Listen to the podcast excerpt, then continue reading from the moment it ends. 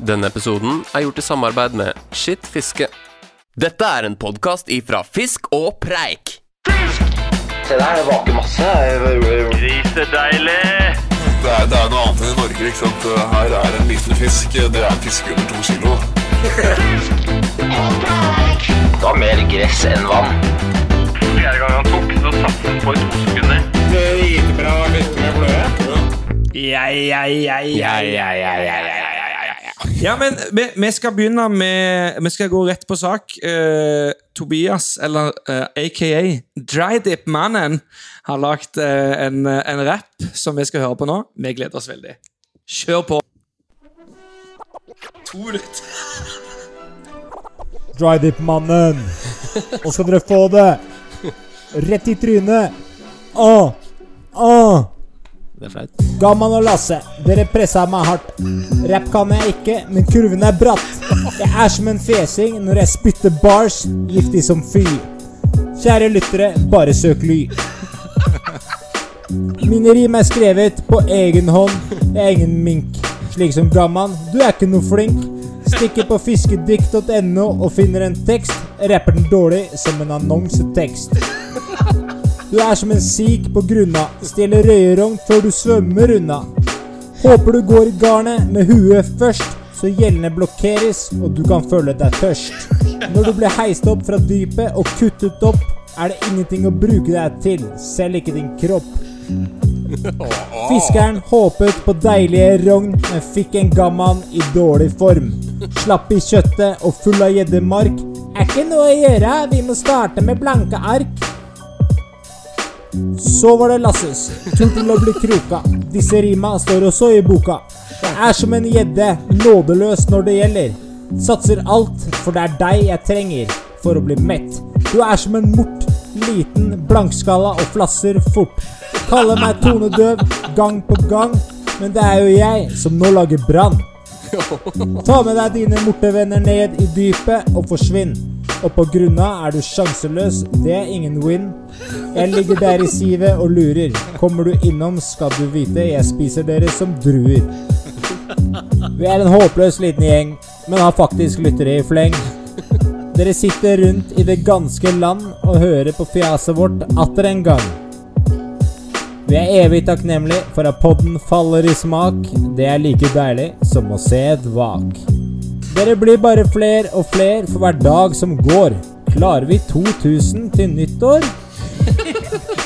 Vi er glad i dere alle mann, og nå håper jeg du sitter med en pils i hand. Nå får dere nemlig en rykende fersk episode i øret. Kanskje det kan hjelpe på humøret? Try it, mannen.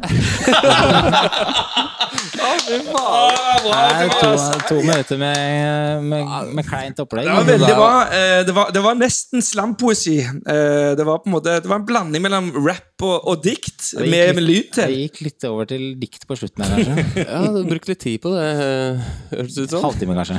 Ja, ja, det var Da mer var enn det gammel. klipping og sånn, da. Det var mye mer enn gammel. Ja. Vil du si egentlig at rapp er ganske lett?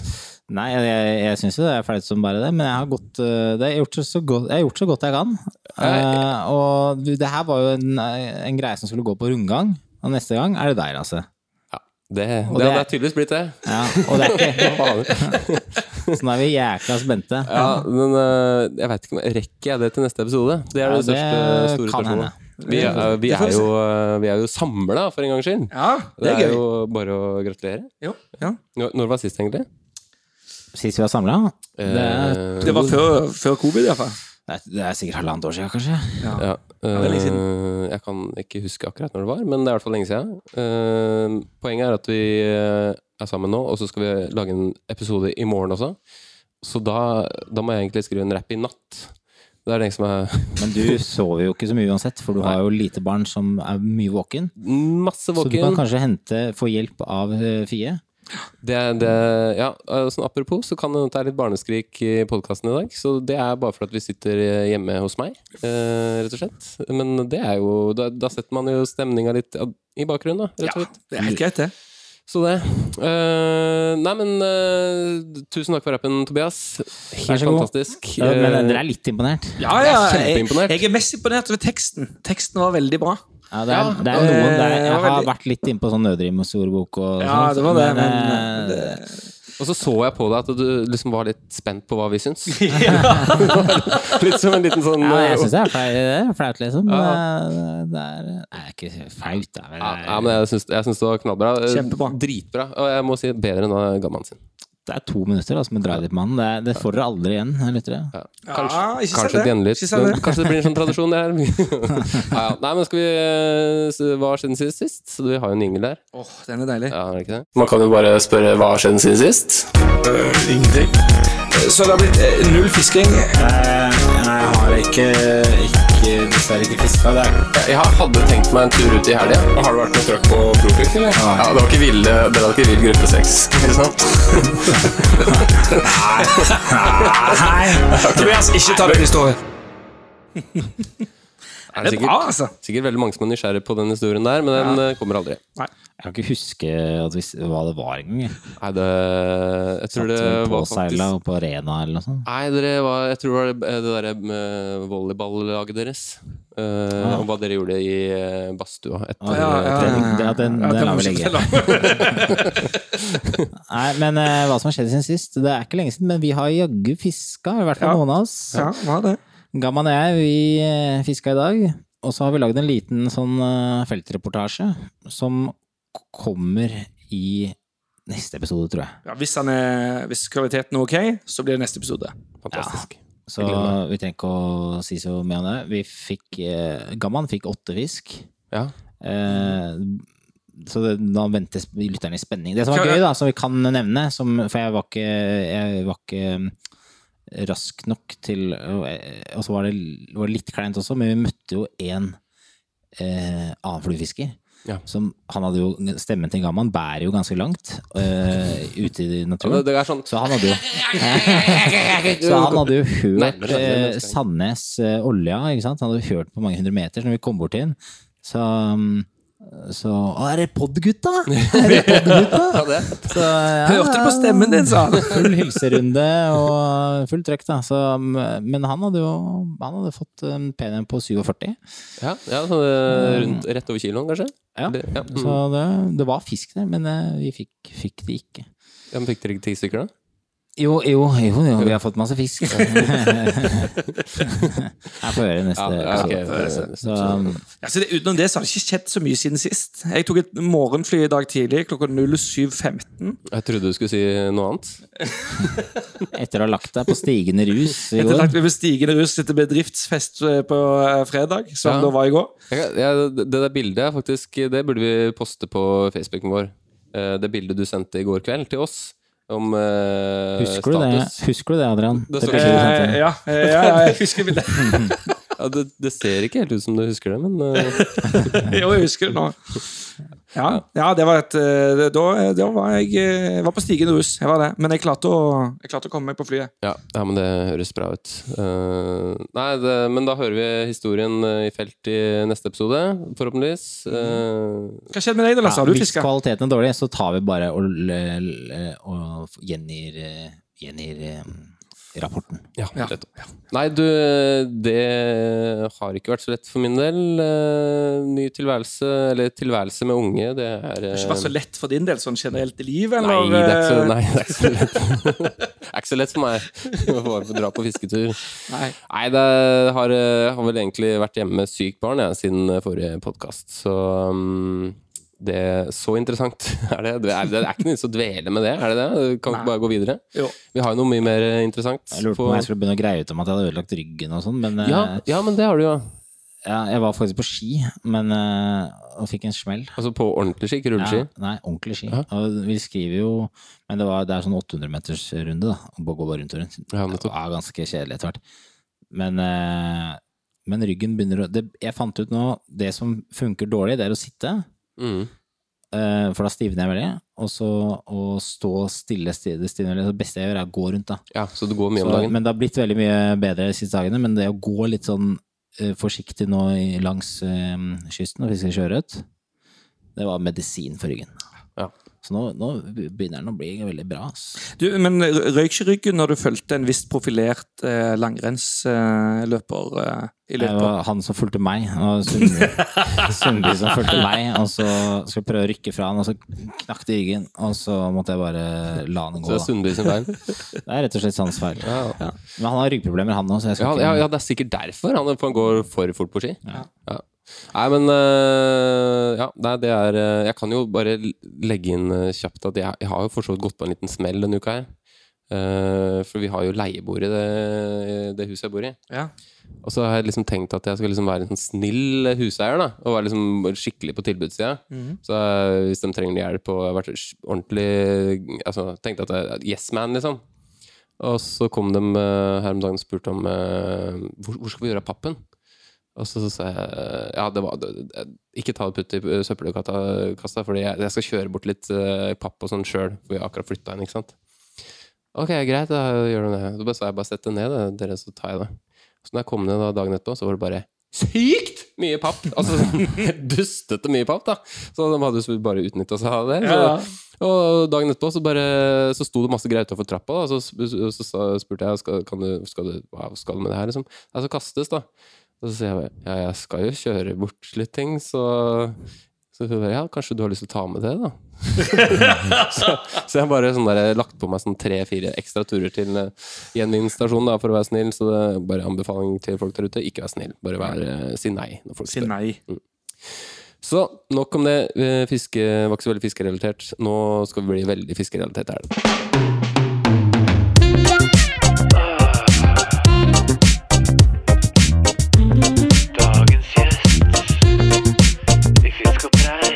Kjøret spesial. Jeg kommer jeg tar eh, alltid feil eh, det Den dagens gjest i Ingeren er nama litt feil, så det er, det er ikke sjøørretspesial, det er bare dagens gjest. Men kan vi spille den riktige? Eh, jo, men jeg tror det var den. Uh, ja, der. Dagens gjest kommer nå. Oh, hey. Dagens gjest biskop Preik. Oh, hey. Til å bli alright. Oh, ja, man, Ja, man. Fisk og brei. Vi har så mange ingler vet du, at det går helt i surr. Men uansett, eh, velkommen til eh, denne fantastiske podkasten, Jon Erlend Sundnes. Tusen takk. Veldig hyggelig å være her i fagre Drammen for første gang. Ja, det er ganske sjukt faktisk at du er her for første gang, for du bor jo i Bærum. Jeg er fra Bærum, vet du. Vi drar ikke til Drammen. Nei. Jeg er også første gang jeg er i Drammen, faktisk. Jeg hadde kjæreste i Drammen faktisk i syvende klasse, og da, da, men da, jo, da var jeg her, på, så på, var på kino. Men Ja. ellers har jeg aldri vært her. Men har du aldri vært på Hagatjern og fiska? altså, Tobias er jo også fra Bærum, så dette Ja, ja, ja. stemmer veldig godt. Ja, ja. Og dere, dere kjenner hverandre litt fra Eller du er jo, var jo en slags sånn, eh, nesten litt sånn storebror for de gutta Jeg vil si det mest en fa Vi drev vel og snakket om litt tidligere at jeg kunne vært faren til Tobias. Jeg ble kjent med Tobias da han var 15. Ja, ja. Så Men jeg solgte deg ditt første bindestyr, tror jeg. det er helt riktig. Det er sjukt. ja det, det, det er ganske sprøtt. Men Han kommer inn. 'Hei, jeg skal begynne å binde fluer. Hva skal jeg ha?' Og jeg, 15 år, du trenger dette, dette, dette og dette. Og kan vinne masse og, og, og så med det utstyret så har du faktisk eh, blitt en ganske habil eh, fluebinder.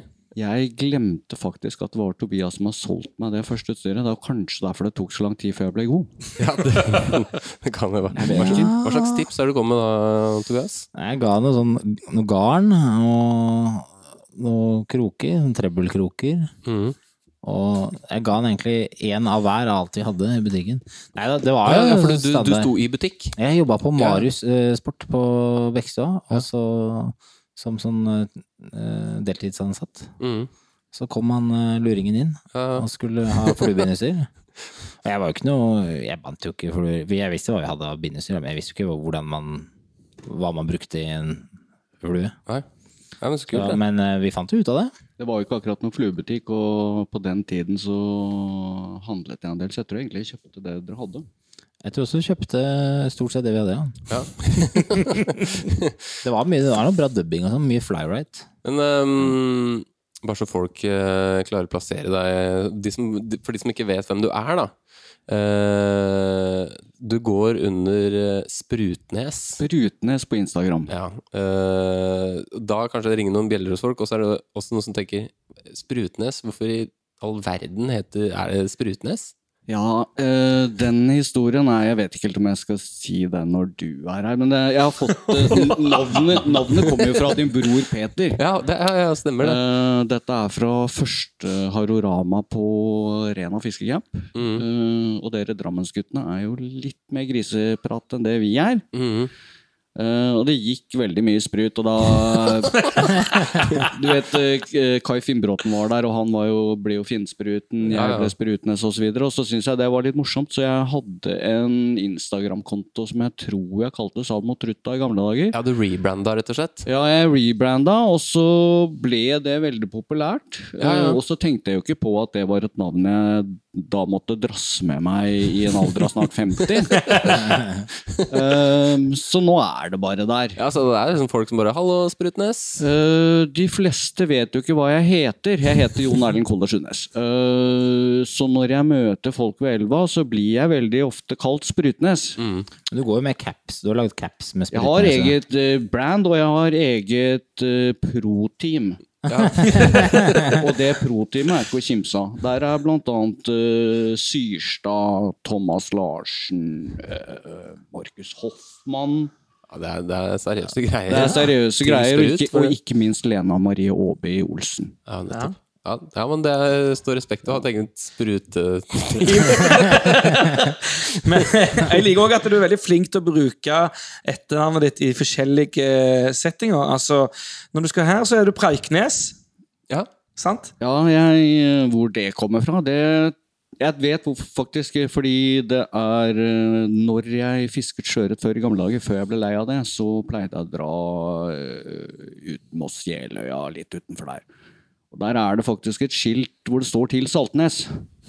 Ja, det stemmer. Eh, Ja, stemmer det. Ja, og det var da jeg kom på det, da. Da begynte du med Saltnes, ja. Eh, ja, da var jeg Saltnes når jeg fisket uh, sjøørret, i hvert fall. Så har det bare ballet på seg, da, så uansett så blir det et eller annet. Så nå er jeg enten Preiknes, Podnes, eh, hva det nå enn skal være.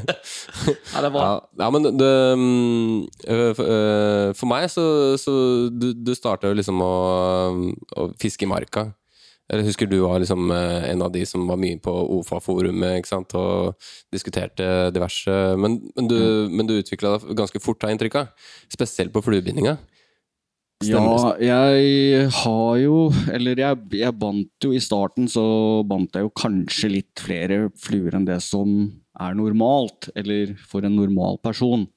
Så Nei, jeg husker jeg Når jeg startet å binde fluer, så ble jeg kjent med Svein Rødbergshagen. Da jobbet han på nordisk, og det var jo litt sånn bevisst. Jeg tenkte jeg måtte bli kjent med noen som var dyktig.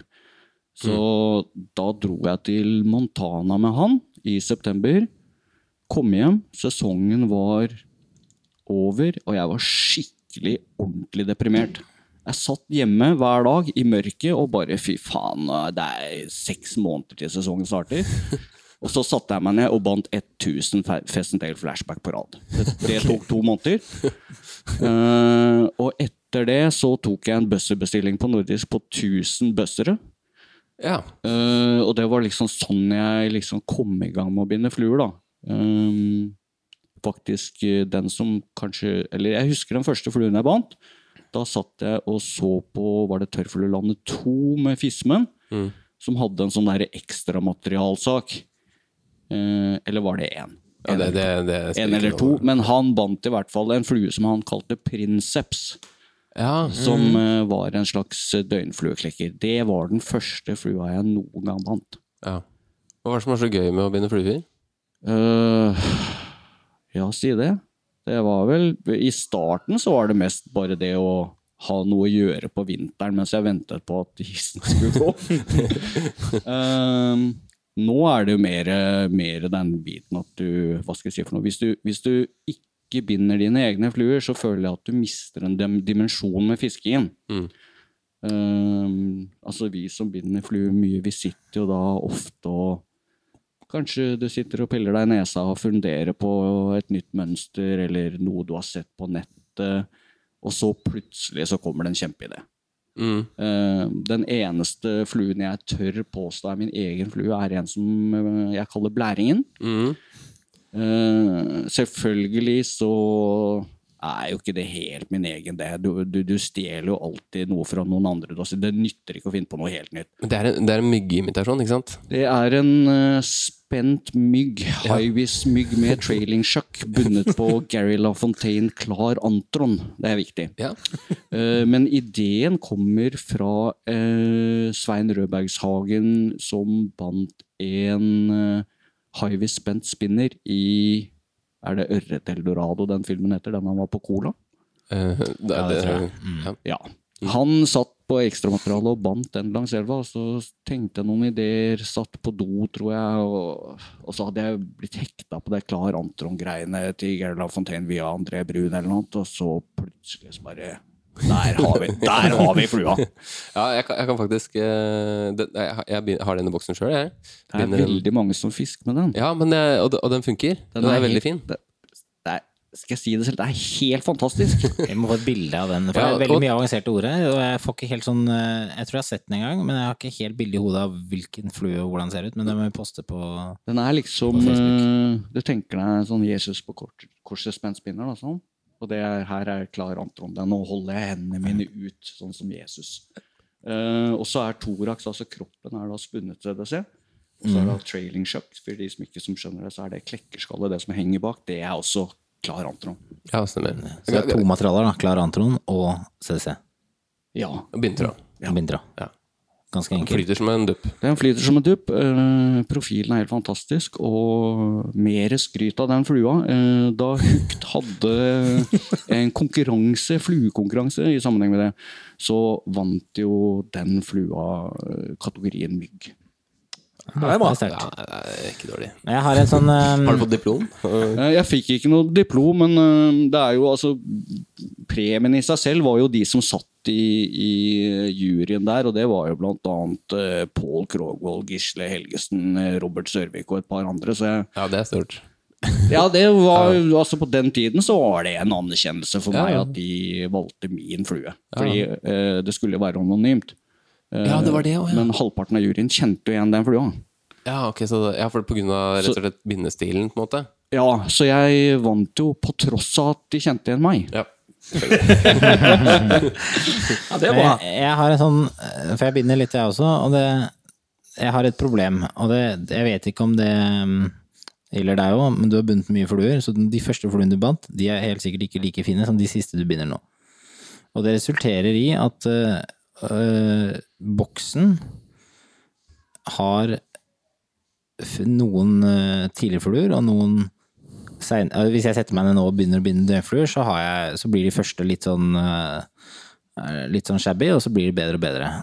Når jeg er ute og fisker, så velger jeg aldri da, da vil jeg velge den flua jeg har mest tro på. Det er det, det, er det jeg syns er finest. ikke sant? Ja, ja. Og da, det som skjer nå, er jo at det, jo mer jeg binder, jo mer fluer må jeg eh, kaste eller gi vekk, eller noe sånt, da, som blir sånn uh, Så du er ikke fornøyd med, liksom? Ja, som jeg ikke gidder å se, For jeg vet at den her, den kvitta i boksen, den kommer jeg aldri til å sette på likevel. Er det, men Bjørn Hartmann, han er motsatt. Han velger ikke de fineste fluene, for de vil han ha i boksen. Så han, han, han, han bruker de stygge han bruker de stygge først. Så egentlig burde jeg bare, og han bare bytte fluer, så jeg alltid kan få hans pene, og så kan han få mine stygge. Så det er win-win. Men jeg tror den, sånn som jeg gjør det, tror jeg er ganske vanlig, for du bruker jo ikke mye av de fluene som du bandt for ti år siden. Svaret på spørsmålet ditt er ganske enkelt. Du binder for lite fluer. Jeg binder opp en ny, eller et nytt sett med fluer hver sesong.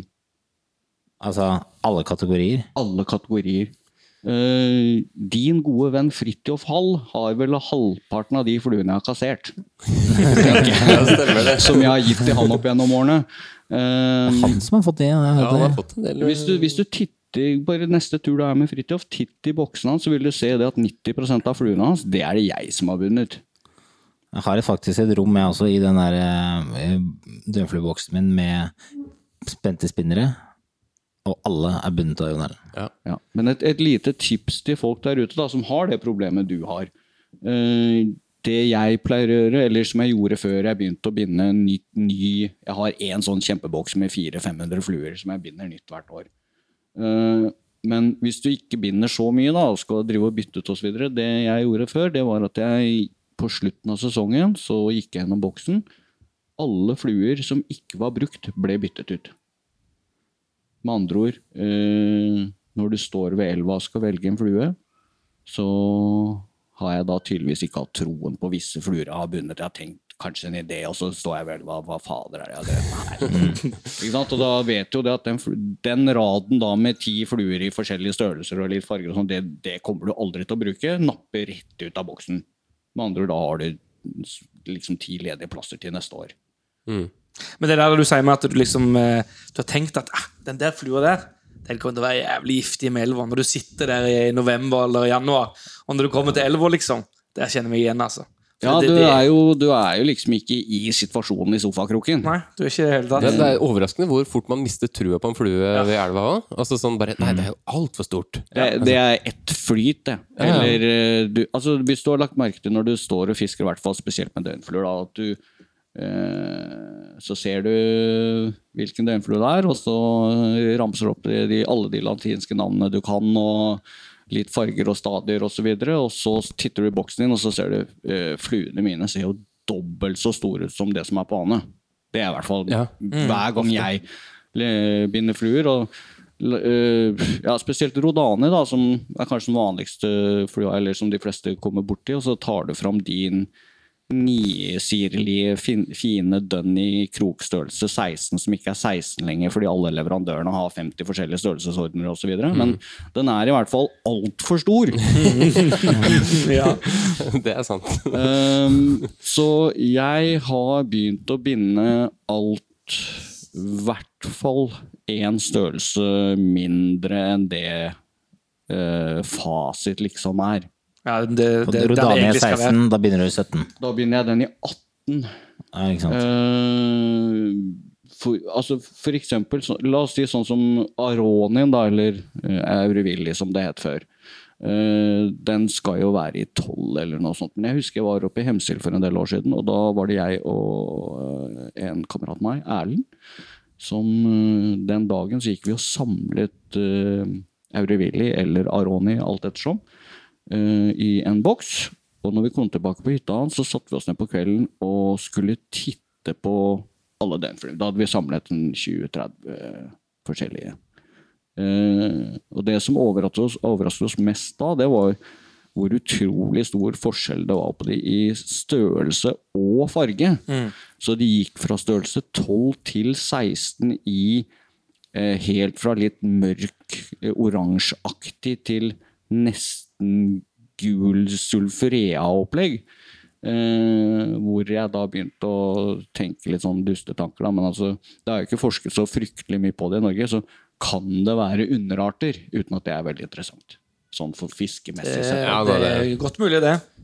Det, det, det, men gjorde ikke han, um, han Staffan var, Brukte ikke han uh, et år eller to i Rena og kartla alle artene som var der på et eller annet tidspunkt? Altså Jungelhistorien der er jo at han klarte å tuske til seg en full stilling på å samle insekter i regnet et år. Jeg skal ikke si om det er helt riktig eller ikke, men jeg, jeg vet at han gjorde det. Mm. Uh, uten at jeg har lest noe om det i det hele tatt. Nei, ikke sant. Kan- det kan være, kan være en røverhistorie Det der. kan altså. være en røverhistorie også, men jeg, jeg har i hvert fall hørt det. Men han har lagd en sånn veldig fin um, klekkeperiode, sånn eh, plakat, poster. Ja, stemmer det. Stemmer det. Jeg, den har jeg på veggen. Ja. Ja, for den er veldig, veldig Den er, fin. uansett, altså, den er faktisk veldig anvendelig, fordi den viser uh, hovedinsektene og når de klekker i Rena-elva over en hel sesong. Og det er, den, den er veldig fin. Og det er få som har vært like mye som han uh, var der. Absolutt. Staffan Lindstrøm, da, for ikke de som vet hvem det er. Kan ikke du fortelle litt uh, kjapt om han? Du, du kjente jo han litt, gjorde du ikke det?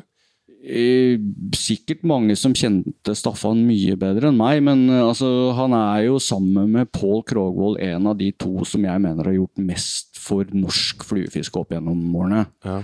Eh, og Staffan var jo en original. Tenkte nytt, nye materialer, lagde egne materialer opp gjennom årene. Og har reist rundt hele landet og lært folk å kaste, fiske, binde Ja. fluer osv. Han var liksom som tok en gammel sofa og lagde dubbing av det, på en måte, eller eh, Ja, altså Staffan gjorde jo det, det der litt til sin egen greie. At det var liksom Du har sånne som meg som kommer med 50 mapper hvor alt er liksom sortert opp i fargekoder og tall og tjo og. Ja, ja. Og så kom Staffan med en eh, Rema-pose full av uh, forskjellige ting som han bare helte ut på bordet, og så bandt han noen fluer. Eh, og det var en av de tingene jeg likte med Staffan, og som Staffan og jeg har pratet mye om, spesielt på vinterstid. altså uh, Forskjellige ideer med materialer og sånn. Og eh, for meg så var Staffan en veldig kreativ fluebinder, noe jeg liker. altså litt av det At du trenger ikke så mye utstyr eller ha de riktige tingene bestandig. Ta det du har, og så lager du noe ut ifra den flua eller hva du vil illudere. da. Ja, ja. Var det han som lærte deg å bruke plastpose i, i, i fluene?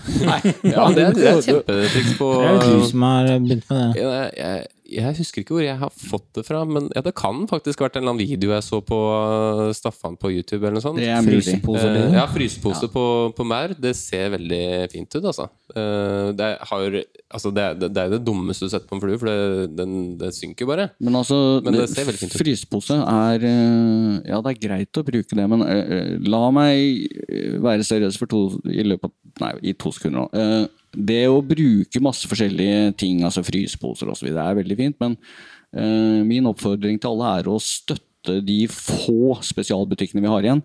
Det går an å kjøpe samme materiale til en jævlig mer dyr penge, så gjør det. Ja, eh, der, der er, han har jo um, Apropos han Staffan, så er det vel er, Det er en nettbutikk etter han som Det er en nettbutikk som jeg tror eh, Vidar Nysæter driver.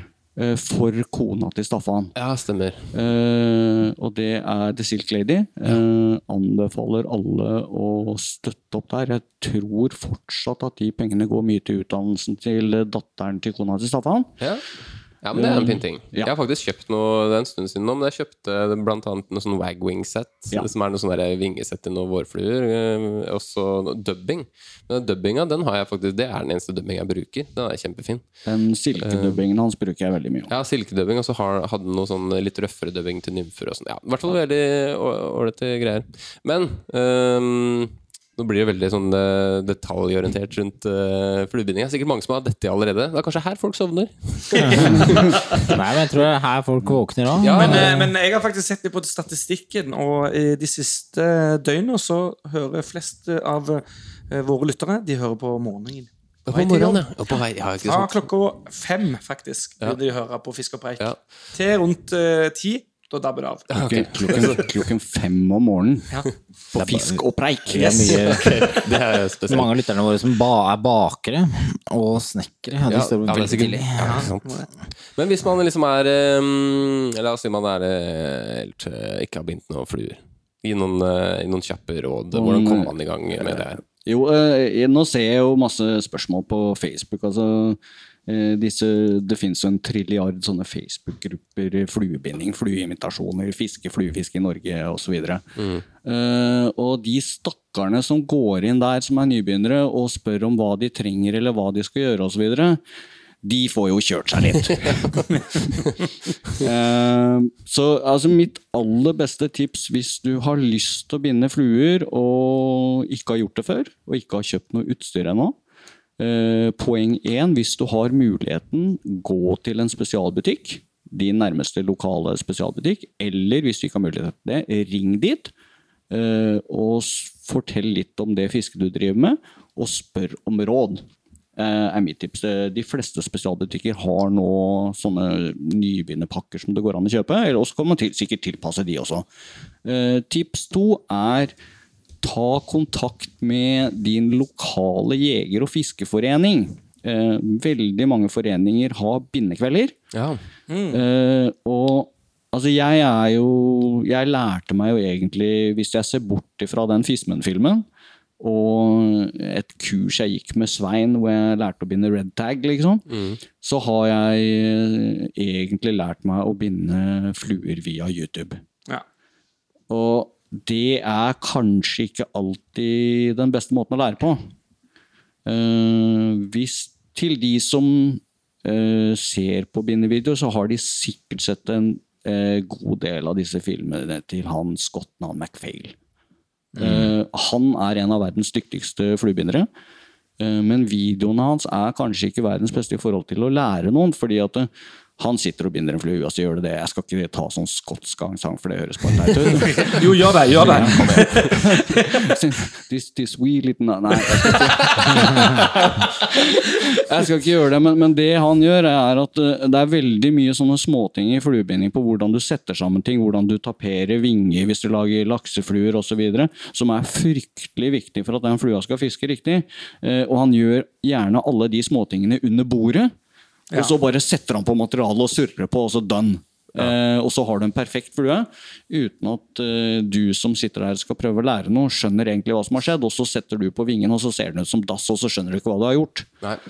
Eh, hvis du eh, drar på en sånn bindekveld, så er det som regel alltid masse hyggelige mennesker der. Eh, Som har bindeerfaring. eh, Og de der småtingene som du bruker tre år på å lære deg selv, lærer du deg da på et par kvelder. Så det er mitt, kanskje mitt beste Det er sikkert viktig å si også at eh, du kan komme uansett hva- hvor eh, langt du har kommet da, i din fluebindekarriere. Uansett alder og kjønn Ja. er viktig å få med. Ja, det også. Det burde vært mye flere damer Og så er- som og så er det gratis. Og det er gratis. Og, Og så er det nok mange som er litt redde for at, eh, at de skal komme og bli belært. Og liksom, og kan du ikke det, kan du ikke det? Og det tror jeg er veldig veldig sjeldent. Det, det er aldri at skjer. Altså. Fluefiskere, altså de hygg, fluefiskere er jo som regel hyggeligst når de ikke er langs elva. Er liksom, Ja, ja. Ja, ja. Nei, det er når de ikke er på nett.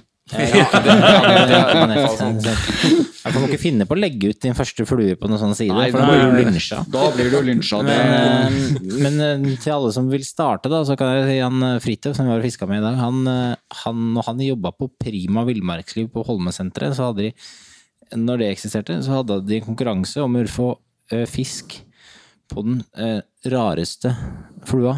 Sjøørret. Ja, ja, ja, Og da tok han en liten bjørkepinne og tredde på en eh, krok, og fikk sjøørret. Så Fikk sjøørret på pinne, da. Det er. Så det, er, det, eh, det, det trenger ikke å Trenger ikke bare være ti av ti, liksom. Nei. Det- det Stygge veldig- fluer kan fiske, de òg. Du kan jo fortelle om den laksen eh, Ja, ja, ja. ja, ja. Jeg har jeg, Ja, det kan jeg fortelle om. Jeg tror jeg har fortalt om det før, men kan ta det en gang til. Det var vel i, For to år siden så, så har jeg Elveg fiske i Rogaland som, eh, som det går an å fiske ørret i. Eh, Ei lakseelv. Og det var lite vannstand, så vi var for å fiske ørret. Fikk ingenting, eh, fikk ikke noe ørret. Og så helt på kvelden begynte laksen å hoppe i en kulp. Og så hadde jeg bare med femmerstang og alle ørretfluene mine og sånn, og så dro jeg opp da, hva kan jeg bruke her da? Så fant jeg en sånn flue, en av de første fluene jeg bandt. Det er sånn, eh, Kristoffer Løvaas han kaller det for ei streamernymfe. Skikkelig stygg med sånn conehead. Fin, eh. Conehead og, Ja. Som er altfor stor i forhold til Ja. flua. Ja, veldig, veldig rar flue. Satt på den, smakk på 4,5 kilo laks. Ja, den er grei. Så det funker. Stygge fluer de kan fikse, de, fiske, de òg.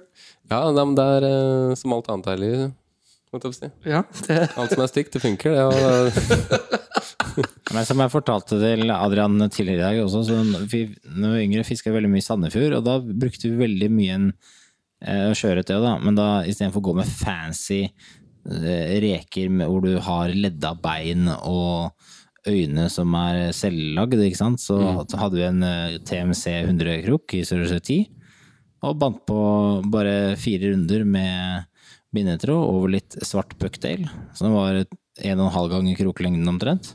mm. Altså, det var ikke noe kropp, ingenting. Det var en liten bucktail-vinge. Svart bucktail. ja, Og det var det. det var det. Og jeg har aldri fått altså, vi, vi, det, det gikk så det hyller. Nei, det var det, var det vi fikk. Da vi hadde jo kjøpefluer også, da, da jeg klarte vi ikke å binde noe annet. Men hadde jo avanserte reker og, og jigger og alt mulig rart. Men det var det vi brukte bare. Helt. Ja, det er eh, Så det trenger egentlig ikke å binde. Bare ta på noe tjafs. Nei, men ikke vær redd for å ikke, ikke sant? Hvis, du, hvis du starter å binde, ikke, sant? ikke vær redd for Ikke kast de første fluene, ikke vær redd for å prøve å bruke de. Det må jo Mm. Ja, ja. Det er helt sant, det. Skal vi kjøre i gang? Eh, Vi, glemmer, vi var litt ivrige på ja, å vi, har helt, helt glemt standardspørsmålet til Jon Erlend. Vi har helt glemt de, de, de standardspørsmålene. Er, er, du, eh, er du klar? eh, Jeg er klar, jeg er klar. Du må svare raskt. Ja. Rett fra levra. Elv, sjø eller hav? Elv. Alene eller sammen med noen? Alene. Kakke eller slippe? Slippe. Båt eller land? Land. Bård eller Lars? Eh, det må bli Bård. Innenlands eller utenlands? Utenlands. Størrelse eller opplevelse? Størrelse. Flue eller sluk? Flue. Gjedde eller hai? Um, hai. Stekt eller kokt? Ingen av delene. Mygg eller knott? Åh, eh, mygg. Eh, nord eller sør? Nord. Fisk eller preik? Preik. Pikk eller påg? Den er ny. Eller hva? Pikk eller pung? Pikk eller påg? Åh! Ja, nei, det må bli noe midt imellom. tenker jeg. Det er skrukken. Ja. Det det. Apropos nei, du, Jeg syns du, var- du var betydelig raskere når vi hadde Bård som gjest. Så måtte han eh, begynne å greie ut om, om på hver eneste av de. Ja, ja, ja. det tok en evighet, ikke Ja, veldig deilig å ha en gjest som bare liksom svarer for for Tok seg. beskjeden. Tok Jeg, ordren. jeg svarte kunne jo gjort det, jeg òg, selvfølgelig, men det Da Trenger ikke det. Jeg tror eh, lytterne kan eh, lage sine egne konklusjoner der. Men apropos bare en liten dig- digresjon her, for du, jeg så på Facebook her forleden at du posta et bilde av at du hadde kjøpt en ny myggjakke. Ja, da, ja. Fordi du skal eh, tydeligvis til myggfylte steder eh, neste sesong. Jeg skal til Finnmark. Eh, Men problemet er jo at du har kjøpt feil myggjakke. Nei. Jo. Jeg, jeg vet hvilken jakke du snakker om. Den derre der stygge Assassin Creed-jakka. Nei, for det første så er din jakke Den er jo, det ser ut som det er noe sånn der, den er jo helt tett, og så er den svart. Nei, det er helt feil, for det bildet er et mobilbilde i litt overskyet vær, så den er egentlig litt sånn eh, frekk, uh, diskré, koksgrå og litt mørk. Men myggen, Sexy grå. myggen kommer veldig lett til deg da. Uh, nei, altså, du vet jo mygg, myggfargen som tiltrekker mest mygg, er jo mørk blå. Uh, Visstnok. Mørk blå og koksgrå det er, Nei, sånn- koksgrå, det er, den er liksom sånn shades uh, eh, 30 shades of grey. Eh, nei, jeg var veldig obs på det, fordi at uh, Lasse har jo fortalt meg om denne Assassin Creed. Ja, du vet hvilken jeg snakker om? Ja, jeg vet Ja, hvilken du altså, snakker om. ja. Uh, og jeg Altså- tror eh, Kristoffer, uh, andre medlem i Dorge Rundt, har den også, har han ikke det? Jo da, de ser ut som en gjeng med Den er snikmordere på vidda der. Hvis den hadde vært hvit, hadde det blitt sånn Ku Klux den Klan. er, liksom. Er- den, er ikke, den er sånn beige. Den er- Kristoffer er en brun en, da. Men den er så bra. Det er bare he eh, hette, og så åpent Nei, foran. men, nei, men hør her. Hør Jeg kan her. gå i baris. Ja, ja, men, ja, men hør her først og fremst. Først og fremst. Altså, Hør her da. som fluefisker, du går ikke i kamo. Nei, det er ikke kamo. Er det ikke kamo? Nei, det er, nei, det er det er hvit, kamo. Eller, Det er klart, hvis du er på Sandstrand, så er det kamo. ja, Er den hvit? kamo. Ja, den er, Den er sånn fargen på Ja, sånn beige. ja, ja, er Lys beige, liksom. Ja. Ja, det, er, det, er, ikke, det, er, det er ikke tactical lifestyle, liksom. Nei, men den er, jeg tror ikke den er dyr nok heller. Jo, koster nesten 1000 spenn. Ja, men min er mye dyrere. Ja, Men er din satt inn med det giftigste middelet i verden? Uh, nei, men det har jeg selv. Jeg har jo kjøpt 50 tuber med Bushman fra Australia med 97 dit. Må dyppe de i det, da. Ja, nei, men altså, det, som er, det som er tingen med altså, kall, jeg, jeg, jeg er ikke redd for å si at jeg er litt forfengelig hvordan jeg ser ut når jeg fisker. Så uh, den jakken er fin. Den er fra en leverandør. Jeg vet ikke om jeg kan si det. Jo, det, så- det, Den er, det er loop. det, kan du, ikke- det kan du ikke si. Jeg kan ikke det. Jo, det kan du si. Det er, det, det er loop mygg, eh, myggjacket, heter den av en eller annen grunn. Ja, nettopp, Og ikke mosquito jacket eller noe. Ja, ja. Ja, Myggjacket. Jeg Ja, ja. vet ikke hvorfor Loop har valgt det. Nei, jeg aner ikke. Eh, men eh, jeg har snakket med noen som har brukt den i flere år, og de gikk eh, Eller anbefalte den på det sterkeste. Og siden jeg er allergisk for mygg, eh, myggstikk, og blir eh, helt ufyselig dårlig av det, og sånn, så har jeg holdt meg unna cola og Finnmark i alle år. Ja. Eh, men nå Nå har du er kjøpt rustning. Nå er du klar. Ja, men det er sikkert helt fin, for de bruker sikkert de samme midlene i alle disse jakkene. Det er noe sånn planteekstrakt. Ja, det, er jo, det blir jo det samme som bugstopper, ikke sant. Ja, ja. Og så har jeg jo da de siste tre årene erfart at eh, Eller bestemt meg for at fluefisk på Østlandet er ræva. Eh, og da drar jeg nordover. Ja, nei, men det er greit å prøve. Eller i utlandet.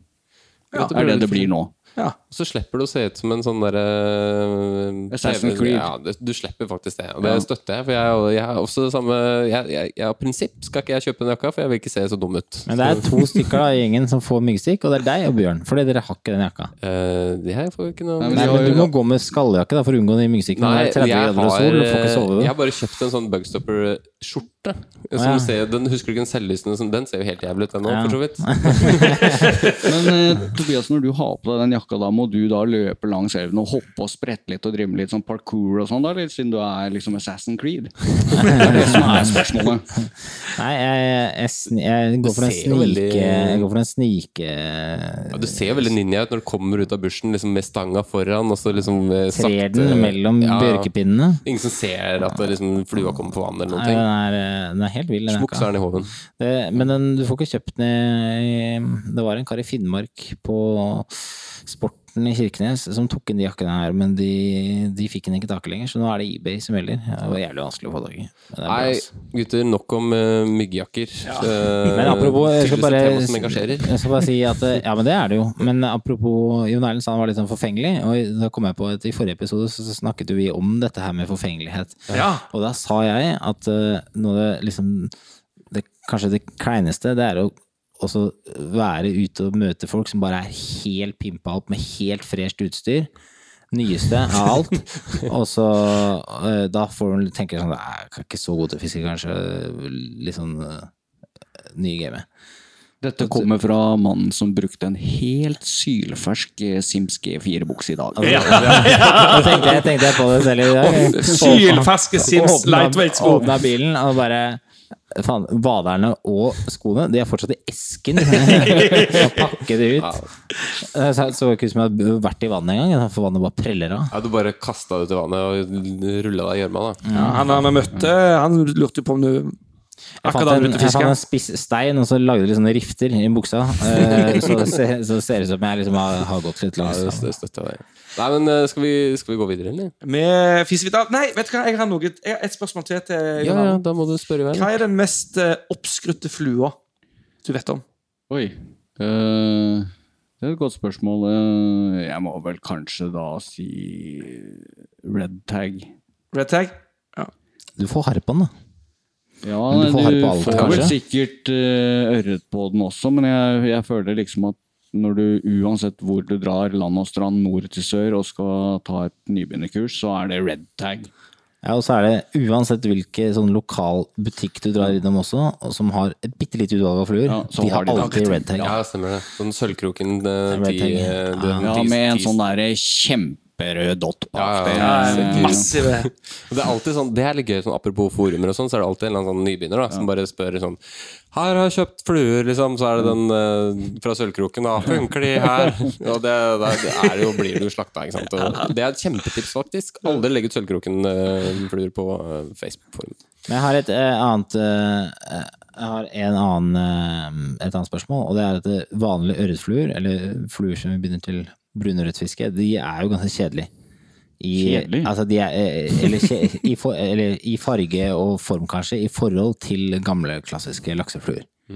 Binder du, binder du gamle, klassiske laksefluer? Nei, jeg gjør ikke det. Jeg hadde ambisjoner om å gjøre det for når var det, tre år siden eller noe. Og jeg kjenner jo en av verdens beste klassiske bindere, Long.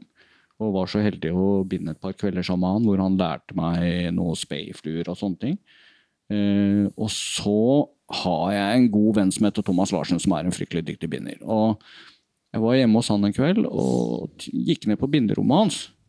Uh, og der var det da hylle opp og hylle ned med materialer. Du, altså hvis du skal binde klassiske fluer, og det er litt sånn med laksefluer, er at eh, når jeg begynte å binde laksefluer, så hadde jeg allerede bundet en god del ørretfluer i, i en del år, og trodde at jeg skulle liksom ta det å binde laksefluer kjempefort. Det skulle gå bare Det skulle ta en uke. Eh, det viste seg at det var en lang kamp. Hvis eh, noen har lyst til å se på de første laksefluene jeg bandt, så tror jeg de ligger på Facebook-siden min fortsatt. Det er helt forferdelig. det, ser ut, det ser ut som en klovn som har fått en kniv bak i ryggen eller noe. Altså. Eh, men det jeg fant ut, det var at eh, skal du binde laksefluer, og spesielt klassiske fluer, så er materialene sykt viktig. Eh, og som de fleste har fått med seg, de fleste, eller mye av materialene, er jo fra utdødde arter. Ja, det er ulovlig. Det er, eh, no, mye kan være ulovlig, og det andre er skit vanskelig å få tak i. Og for det tredje så er det dritdyrt. Eh, jeg satt og så på noen fluer som Long hadde bundet, og sendte han en melding en kveld. Jeg sa hei, Long. Eh, jeg ser de der blå vingene du har brukt på den ene. De var kjempefine. Hvorfor har jeg kjøpt de? Eh, og så får jeg en hyggelig melding tilbake fra Long at eh, de er litt vanskelig å få tak i, men, jeg, men du kan få tak i de her og her. De koster bare 1200 kroner paret.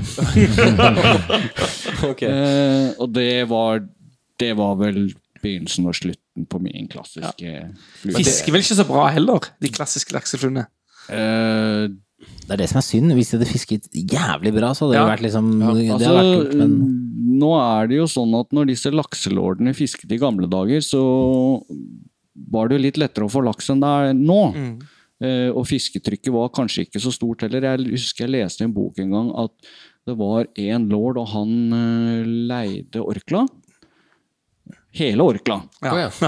Eh, og så, etter et par år, så ville han ikke være med på det lenger, fordi han ble sur. Fordi elva ble delt i to, så han måtte dele den med en annen lord. Eh, og da kan det jo si seg selv at eh, da var det kanskje litt lettere å få laks. Eh, og det var mye mer laks også, og da virket nok kanskje de fluene bedre enn i dag. Men jeg skal ikke si noe om hva som virker best. Det, det vet jeg egentlig ikke noe om. Jeg spurte Long eh, en gang, jeg møtte han på, nede på Vak en gang, og da spurte jeg hvor lang tid, bruk, liksom, hvor lang tid bruker du på en flue, en lakseflue? Og da fortalte han om den fluen han har brukt lengst tid på. Han har brukt tre år. Tre år. Den, på den samme kroken, liksom? Eller på Ja, på mønsteret generelt? Nei, på den kroken, på den flua. Ja, det var, da måtte han, han måtte først få den eh, kroken, måtte jo være smidd. Ja. Og så var det jo ikke noe eh, eh, sånn krokøye, så det var jo fletta løkke av eh, tarmene fra slimål eller noe sånt. Ja, jeg tror det. Det er såpass, ja. Altså, det er, det er bare he- helt dust, da. Det er kult òg. Men det her er samme Long som er med i en eh, Det er en sånn liten dokumentarpodkast som heter Feather Heist. Ja, stemmer. Den er bra. Eh, ja, hvis, ingen, hvis folk ikke har hørt den, gå og høre den med en gang, for den er helt fantastisk. Det er Long så vidt innom. Uh, en av de siste episodene, tror jeg. Har du hørt den? Jeg, jeg hører jo ikke på podkast, så Ja, nei, ne- da, da, ok, da må du begynne, eh, begynne nei, det, er jo altså, ikke, det er jo kan- egentlig om en eh, annen kar som Ja heter Edvin, en sånn fløytespiller. Men uh, hør, hør på den podkasten. Ja, The det Feather Heist. Ja, den handler bare om rett og slett et tyveri på et naturhistorisk museum. Der en kar klarer å dra med seg hele fugleflokken som lå nedi en, en annen skuff. Som var uh, utdødde dyr, og de kom i hendene på noen fluebindere. da, Som er, er fantastisk, i hele den historien der. Nei, ganske morsomt. Så det. Nei, men ok, skal vi gå på lyttespørsmål, eller? Kjør karer? på! Ok, da fiser vi videre. Fis! Lyttespørsmål Hei! i fisk og preik. Oh, det er litt spørsmål. Oh, yeah. I fisk og preik. Åh, ja, det er litt spørsmål. Hei! I fisk og preik. Ja da, det og preik. Litt spørsmål i fisk og preik. Ja, ja, ja. Ja, ja, ja, ja, ja, ja, ja, ja. Skulle vi modda den ingeren litt? Grann, Nei? Vent litt, vent litt. Det skal vi ikke. Nei, det er ganske fint, men det er litt sånn eh, Jeg tenker litt sånn kubjelle inni midten der. Det er det bra. Det skjer ikke. Nei. Jeg er brukt nok tid. Da er det på en måte kvota brukt opp for Nei. eh, For i år. ja. Det er den enkleste måten å gi Lasse arbeid. Det er å sånn kåle han ut på eh, Vi må lage noen nye spalter, tror jeg. Da blir det arbeid. Ja, da, ja, ja, vær kreativ der, så blir det nye engler òg. lyttespørsmål. Uh, det har jo rent inn med spørsmål. Det er bare å lokke dere lyttere med litt, eh, litt eh, giveaways. Eh, vi har vel fått uh, noe gavekort som vi kan dele ut til, eh, til en av eh, spørsmålene i dag. Ja. Eh, Og det er, eh, ettersom jeg har skjønt, eh, noe gavekort på noen bindematerialer eh, hos Skittiske. Så Ja, skal, vi, skal, skal jeg sette i gang hele showet? Ja, sett i gang. Sett i gang. Jeg setter i gang. Eh, dette er fra Espen. Hei, Espen. Hei, Espen. Hei, hei, hei. Hei. Takk for super podkast. Hørte gjennom alle episodene i løpet av en 14-dagersperiode.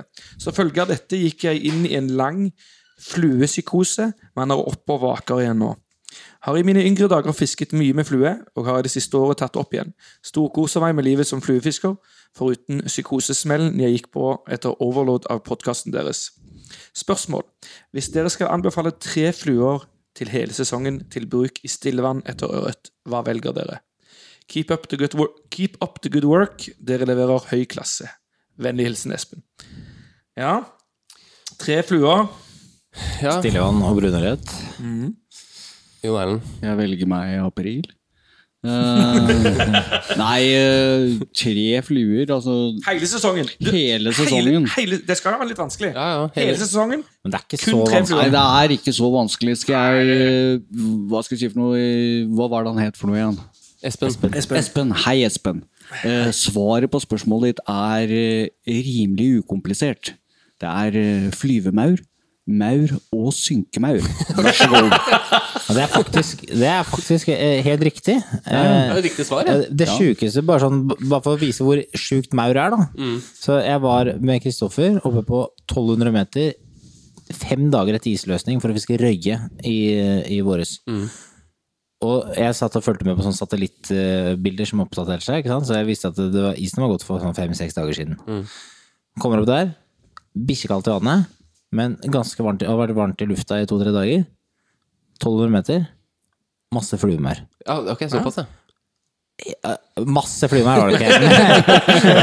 Men det var, så, det var så mye fluemær at det, det burde vaka, da. Ja, ja. Og det, og det er bare midt oppå fjellet. ja, ja. Helt sjukt. ja det er eh, ja. Men alt du trenger, er egentlig maur. Har du, har du fått eh, mye fisk på synkemaur? Eh, veldig mye. Ja. Uh, Det er så bra, for du er så seriøs når du svarer.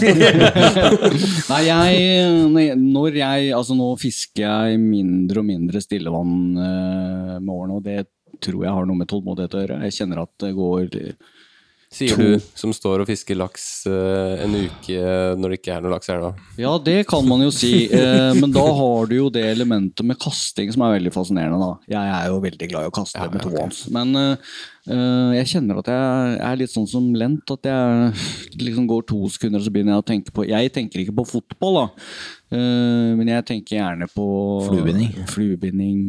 eh, vakne ørret, eh, insekter Alt det som ikke er der der hvor jeg er. Ja, okay. Ja, jeg skjønner det. Uh, Men, men eh, du sier du, du, du sier du har tre, tre alternativer, og alle har med maur. Hvordan fisker du de forskjellige?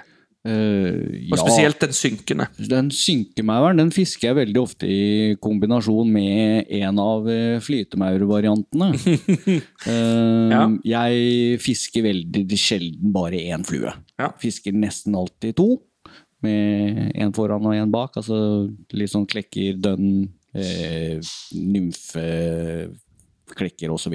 Mm.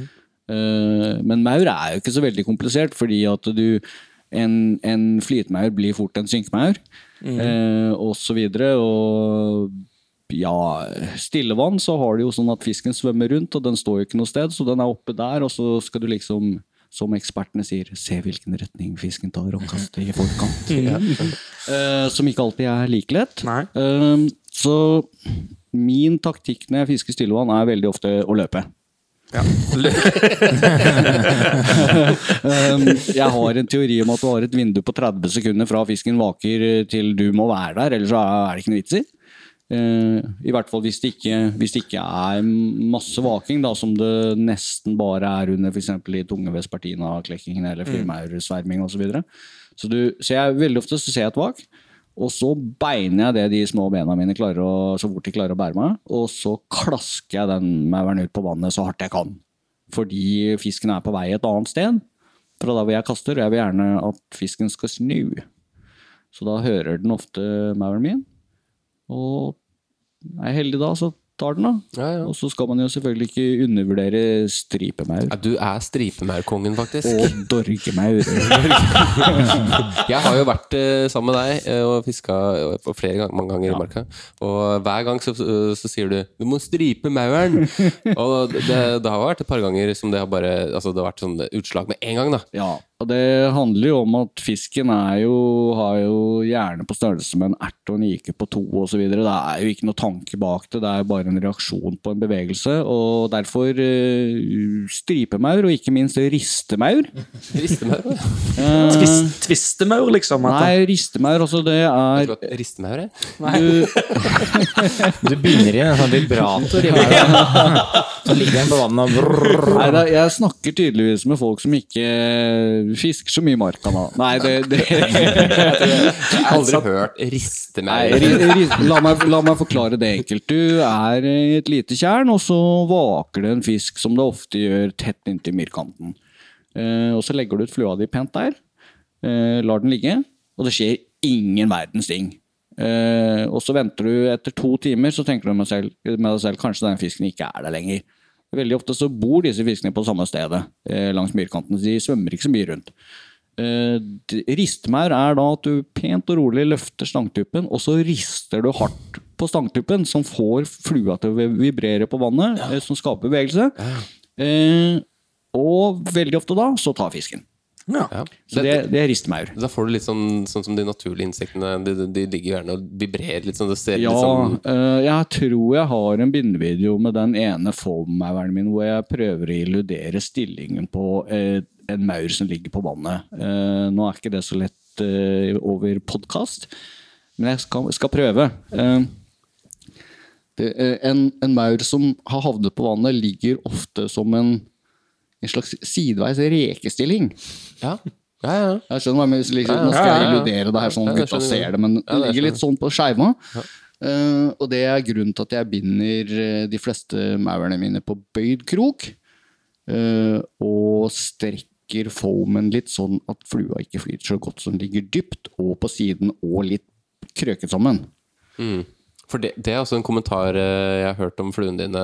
Sånn fra, jeg, lurer på om det er eh, deg eller Fridtjof som har fått noen fluer. Bare, Faen, de der eh, Jon Erlend-maurene synker jo med en gang, ja! Ja, de skal jo ikke flyte. Det de har ikke skjønt det, de gutta. De bare, «Well, um, uh, eh», altså hvis du hvis, eh, Fridtjof har fått 200 synkemeier, han tror de skal flytte. altså, nei, men altså, Det er jo ikke helt synkemeier, det er bare at de ligger så dypt i filmen at det ser ut som de synker. Og noen ganger så synker de litt. Men eh, hele poenget her, til alle dere lyttere der ute Nå er det litt sent på året, men med en gang isen går, løp ut til nærmeste vann. Ta maur, som vi kaller det. Altså Du tar en liten busk, og så stikker du den i en maurtue, og så kaster du maur ut på vannet. Og da vil du se det at det er ingen maur som ligger oppå vannfilmen. Nei, ok. Det ligger Den ligger i I- i- i vannfilmen, ja. Apropos, apropos det du sa nå, det, er jo, det har jo faktisk meg og Kristoffer Løvaas gjort eh, på et vann som var veldig vanskelig. Mm. Der det var ingen eh, klekking, ingenting som skjedde. Kasta meg litt eh, maur ut på vannet. innrømmer du at du maurer? Møre, ja, jeg er jo med maura. Vi lagde klekking. Jeg har prøvd mauring mange ganger, funker jo ikke. Jo, det funka som juling, det. I Sandnes kanskje, ja. Men Ja, der funker jo alt. Det funker alt. Men det er ganske, jeg, jeg tipper det er noen som sitter nå og tenker dette her er tull. Eh, ristemaur, eh, strykemaur og stripemaur og synkemaur og sånn. Men han er, han er så sjuk i huet, og det, det som er enda sjukere, er at han har bundet fluer til meg og Bjørn eh, for fiske på New Zealand, og vet du hva det var? Og det den virka synkemusa. Synkemus! Synkemus. ta, ta den synkemushistorien. Den er helt latterlig bra. Jeg tror jeg har tatt den et par ganger, faktisk. Har du men, uh... Ja, men Ta den en gang til, Det er det, det, er helt, det er det sykeste jeg har hørt om innen fluefiske. Eh, eh, Skal jeg ta den, da? Ja, ta den. eh, Ja, altså, eh, jeg På Skogsborg, eh, det er ute ved Røyken et eller annet det sted. der. begynner altså der. Det begynner der. Det, det begynner der. Jeg satt der. De har hvert år en sånn fluebinderhelg. Og så satt jeg der sammen med Gisle Helgesen, som har vært veldig mye på New Zealand. eh, Og hadde lovet Tobias og gutta at jeg skulle lage noe uh, synkemus. Ja, for grunnen var at vi Det var musehår. Det var musehår, men, eh, men fisken er jo ikke altså Det er jo lite mus å se på dagen. De spiser om natta. Ja. Og alle, sier, alle lokale gutta, alle som har peiling, sier jo det at de tar jo ikke tørrmus. Ja, det høres Vi tar våtmus! Vi tar våtmus. Men altså Nei, altså det, ja, Skjønner, altså, skjønner den som eh, kan. Skjønner altså. den som kan, men uh, de som har peiling på det, sier at uh, disse New Zealand-ørretene spiser død mus som kommer liksom på bunnen om natten. Det er da du får disse beistene. Så da satte jeg meg ned og bandt noen sånne synkemus, da, som Gisle og jeg testet i vanntank for å se at alt fungerte osv. Og, så, eh, og så sendte jeg de over til eh, Tobias. Eh, og så hørte jeg ikke noe særlig mer, utenom at de hadde med og hadde prøvd. Og så hørte jeg at de var litt tunge, at eh, de var litt vanskelig å kaste med, så det de kastet de for hånd og sånn ut i elva. Eh, men så eh, Kort forklart så kommer hele historien. Eh, Tobias hadde kastet med en av synkebussene mine, og den var så tung at den hadde røket fortommen. Eh, og så hadde de gått videre, fisket hele dagen og kommet tilbake til utgangspunktet og skulle ta noen kast eh, i den samme poolen de hadde startet. Og hva tror du kommer rullende nedover elva der? Jo, det er min synkebuss. Jeg tror det var, jeg tror det var han fetteren til Bjørn, faktisk, som fant den som fant en sving... Han, han, skjønte ingenting. Han kom en, bare, faen, der kommer en mus, liksom. Ruller langs bunnen. Han så bare, eh, inntil han tar den opp, og så bare For det er jo, jo det er en synkemus. Ja, det er gøy. Ja, ja, det er gøy. Etter det så ble de vel pensjonert, de musene. De hang i taket i Ja, de ble, de ble takpryd i, i Høyrolf. Det her har vi snakka om tidligere. Ja, men det er, det er mange år siden. Ja, mange år siden. Ja, ja. Men uh, ja, ta, uh, er vi Altså, vi har vel svart greit på det spørsmålet. Jo, det, jo, det, altså, det her ble et veldig langt svar på et veldig kort spørsmål. Men bare ett spørsmål. Mygg skal ikke være med i det hele tatt, altså. Blæringen. Nei, altså For å si det sånn, jeg opplever, for å være litt seriøs, så opplever jeg veldig veldig sjelden at fisk i stillvann er selektiv. De er opportunister og spiser det de kan. Og av en eller annen grunn, det beste ørret vet, er maur. Så hvorfor ikke? Jeg fisker 90% av tiden med maur, og det gjør jeg overalt, selv i Hemsil. Ja, og det er veldig gøy. For vi var i Hemsil, i hvert fall første gang jeg var der. Eller andre eller tredje, men i hvert fall vi fiska der sammen en gang. Og du sa på Pur F at jeg skal bare fiske med maur eh, når vi kommer opp til Hemsil. Og det gjorde du òg. Og fikk jo også fisk. Jeg, har en track record i Hemsil som er ganske bra. eh, hvor eh, alt er tatt på eh, flymaur, utenom én fisk, og den er tatt på stankelben. Ja, Sier du det, ja? Ja, Så ikke det- noe av det der knøttsmå luregreiene som Og alt er fisket under baetisk-lekkinger på størrelse 18 til 20, hvor man skal fiske med 7X osv. det er No hackle, bla, bla, bla. Gjelder å skille seg litt eh, ut. Lettsild, som du kaller det. Lettsild, som jeg kaller det. Få få benytte anledningen til å hilse til eh, verdens snilleste hemsedøling, Tor Grøthe. Hei, Tor. Hei. Jeg har et eh, spørsmål. Um, skal vi se her, så Erik. Hei, Erik. Sitter og hører på gamle podder og legger merke til at Klinkhammer får mye med capslock hat fordi den ikke imiterer noe, mens Vaskebjørn er lov, for den imiterer alt. kan vi si at Vaskebjørn er sjøørretfiskerens klinkhammer? Spørsmålstegn. Deilig med ny pod. Ja, det jeg føler er litt retta mot meg. Det, for jeg hata så innmari på klinkhammer. Dere har vel klinkhammer i Ja, ja, boksen deres? så Jeg har vel Nei, det Jeg eh, Grunnen til at jeg begynte å hate litt på den, det er vel fordi Ja, det er litt sånn Var litt i Jone Nælen-ånd, da.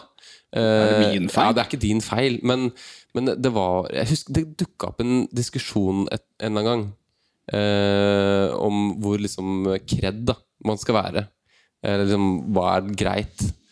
Og det er- blitt en sånn image da om at uh, klekkere de ligger jo gjerne rett i filmen. ikke sant, Døgnfluer. Altså, de, de ligger ikke med den bøyde kroppen. Uh, og husker du han Staffan som også sa det? Nei, de ligger rett. Han hadde til og med video av det og liksom dokumenterte ganske bra. da Så han mente at, eh, i hvert fall av det jeg husker, da eh, som jeg har lest på nett og på Facebook, og sånn, så skrev han nei, det skal være rett krok på, på klekkere. Jeg er helt enig. Ja. Og, og det syns jeg er veldig kult. da At når du først er driver og imiterer eh, insekter, så bør det være litt, bør det være litt eh, likt. Eh, og så er klinkhammer egentlig en ganske stygg flue, syns jeg. Så Det er, det er kanskje fordi du ikke har bundet den nok? jeg har, jeg har sett mange fine Du har klinkhammer. sett mange fine, ja. ja. Og så har jeg en sånn greie med broderen. Vi var, eh, ja, vi var eh, og fiska, og det klekka aurevillig, da. Og det, med det, det jeg liksom skjønte i ettertid at Og det var fint vær, da. Så da, det, det fløy opp aurevillig overalt. Men det vaka som besatt. Uh, og det, etter jeg skjønte at det, er, det var jo klekkere han tok, ikke for det var jo det mest uh, logiske for fisken, sikkert. Det kan, det kan ha vært nymfer òg. Det kan ha vært nymfer også, selvfølgelig. Men poenget er at jeg, jeg hadde så mye flyt over i Jeg husker spesielt én fisk, da, som var så svær. Fikk den ikke til å ta, ikke sant. Og så gir jeg opp, og da går Peter ned. Og han bare 'Jeg har stått på en klinkhammer!' Og så var det første flytet smokk rett i kjeften. og jeg ble så dritsur, da, for han klarte å liksom lure den fisken. Og etter det så har jeg egentlig hatt et sånn vondt forhold til klinkhammer. Men har du samme forhold til vaskebjørn? Ja, Nei, det, har jeg, det fisker jeg aldri med. Nei, du fisker ikke med verken klinkhammer eller vaskebjørn? Nei, nei det er, vaskebjørn syns jeg ikke bare det, det, det, bare, Hva er det, liksom? Men jeg skjønner det, det er det, er- flue, det er- liksom. Det er alt, det er alt og ingenting. Ja, det er liksom samme som Nei, men jeg setter heller noe som ligner på en fisk. Eller Ja, en sånn som ja. Jeg fikk jo en vaskebjørn av eh, han Berrulsen. Ja, ja. Eh, og den eh, Vaskebjørnkongen. tenkte jeg den, Ja, vaskebjørnkongen. Og jeg tenkte yes, endelig skal jeg også få For jeg har aldri giddet å binde. Du må ha sånn der saltvannsspredhakkel og masse tull. Uh, og ikke har jeg kjøpt eh, noen heller, men fikk jo en av eh, vaskemannen selv. Og tenkte nå, nå smeller det, nå får jeg masse fisk. Den funka jo ikke. Fikk jo, ingenting. Så, jeg gikk rett tilbake til eh, ro, rosa og hvit klauser. Eller bøsserøven. Eller bøsserøven. Men, eh, men Tobias, og det du gjorde, det var at du prøvde vaskebjørn i fem minutter og konstaterte at det ikke virket, og så byttet du tilbake til Klauser. Ja, og så fikk jeg masse fisk. Ja, ikke sant? Men det er, jo, det er jo sånn det er, da. At du får eh, Det er klart du fisker du bare med vaskebjørn, så får du, da får du fisk, men du får ikke like mye som hvis du fisker med rosa og hvitt eh, klauser, da. Ja. Ja, ja, ja. Den er helt overlegen. Nei, men, øh, nei, nei, men det er fine fluer begge to. Jeg bare, øh, man må liksom være litt sær, må man ikke det? Må Klinkhammer se- ikke noen, øh, har du noen særheter Nei, som du jeg, ikke fisker jeg har ingen særheter, men jeg støtter jo din teori, og jeg vil anbefale alle å se filmen 'Bugs of the Underworld'. Ja, stemmer. Eh, Det er en film laget for fiskere som viser hvordan insekter ser ut unnifra. Fordi at det, veldig mange gjør, å putte flua i vannglasset sitt og titte under, det er bare tull.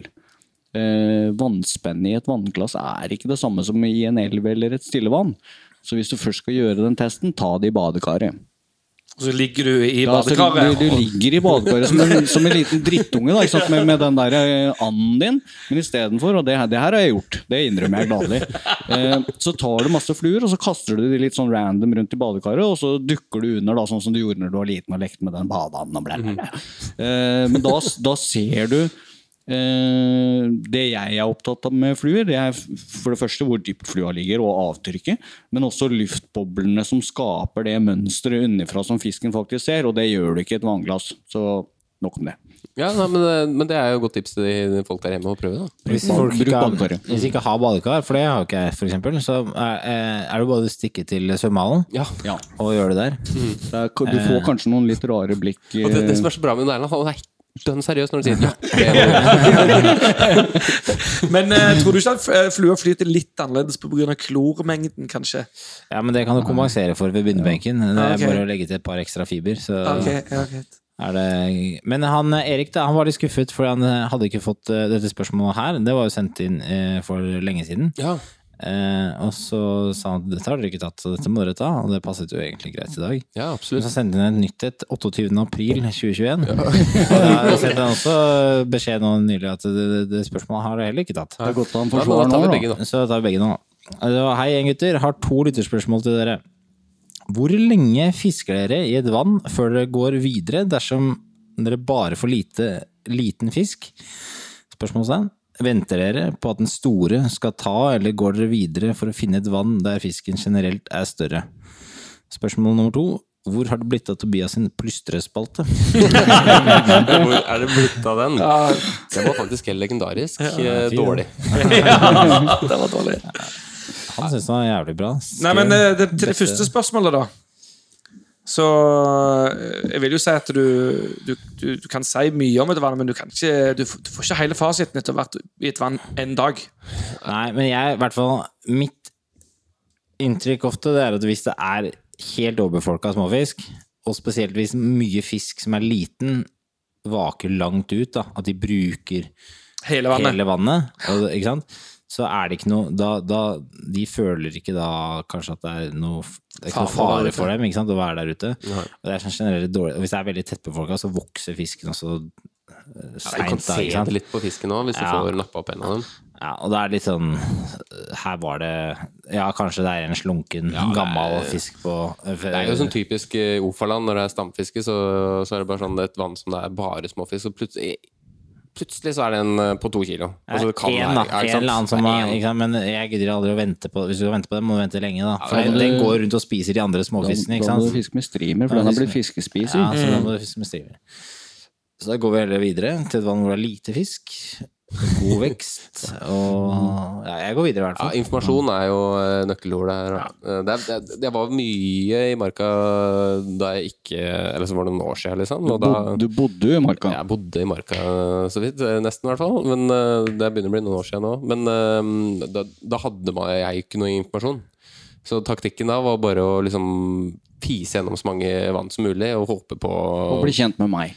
Ja, og bli kjent med deg. Men det, altså, det skal sies at jeg har vært Så før jeg liksom fikk eh, noe nettverk, da da, da, da sleit jeg med å få noe over 700-800 hekto. Altså det, var, det var julekvelden, liksom. Det er svært fisk, Ja, altså, det var, jeg husker den første over- Det var på Storåklongen. Fikk jeg en på 700 gram. Jeg var i himmelen. Jeg bare følte jeg hele verden var bare, Hva er det dere driver med? Er dere ikke her og fisker, liksom?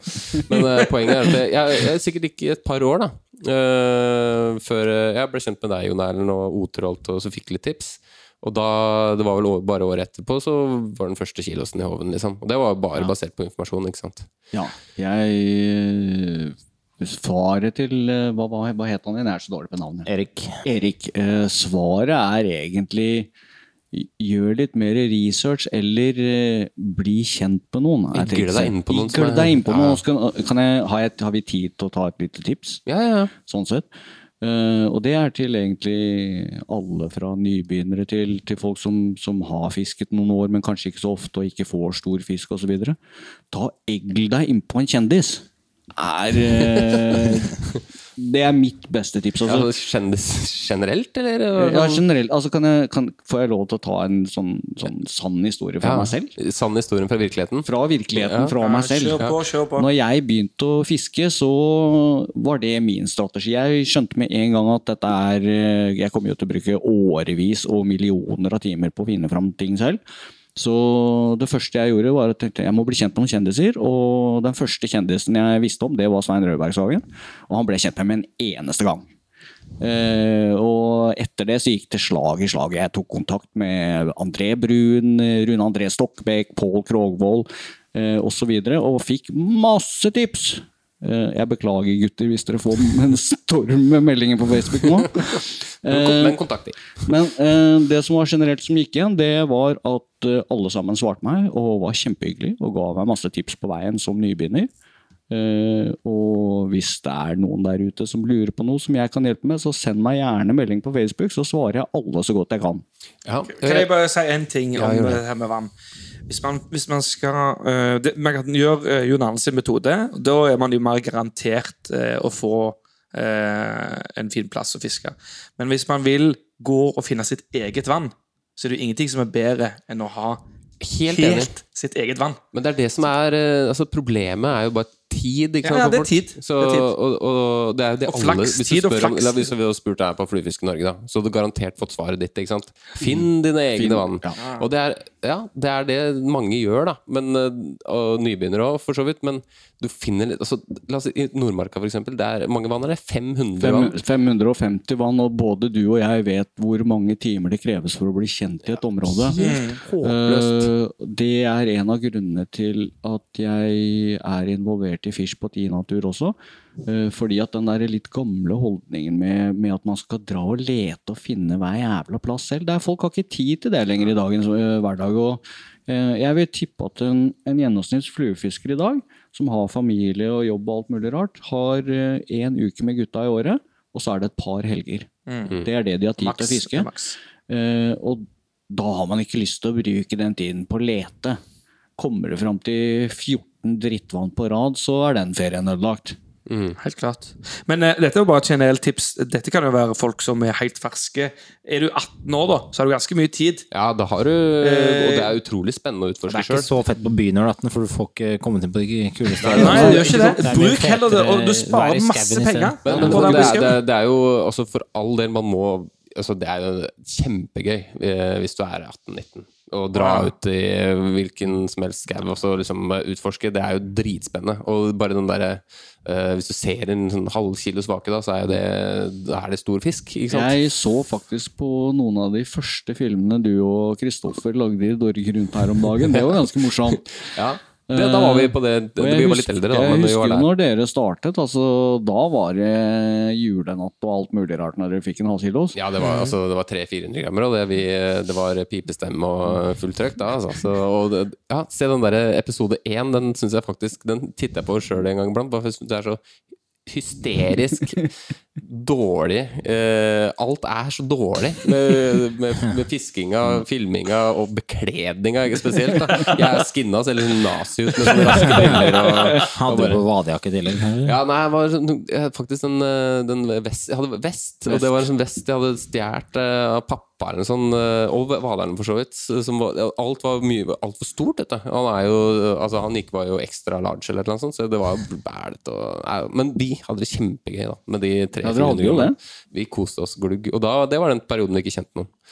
Vi bare koste oss. Så Fint, det. ja, nydelig. det. Var det godt nok svar? Ja, Det var bare sånn. Og, uh, kjempesvar. Og Tobias en plystrespalte, den kommer nå. Nei, det vi permitterer, vi, vi forkaster den ganske kjapt, tror Vi kan ta et den, gjenhør eh, en eller annen gang. Kanskje. kanskje. Ok, Skal vi ta et spørsmål til? Lasse, du har ikke tatt noen spørsmål ennå. Nei, men eh, ja, det skal, Du må ha i bakhodet hodet at du skal kåre det beste spørsmålet. Kåre det beste spørsmålet, ja. ja. Ja, Uh, skal vi ta um, uh... Skal vi se bare Vi har et par uh... Her har vi en. Um, skal jeg vel lese opp, da? Hei sann, gutter, med spørsmålstegn. Hei sann, gutter. Hei sann, gutter. Eh, Hei sann. ja, hei.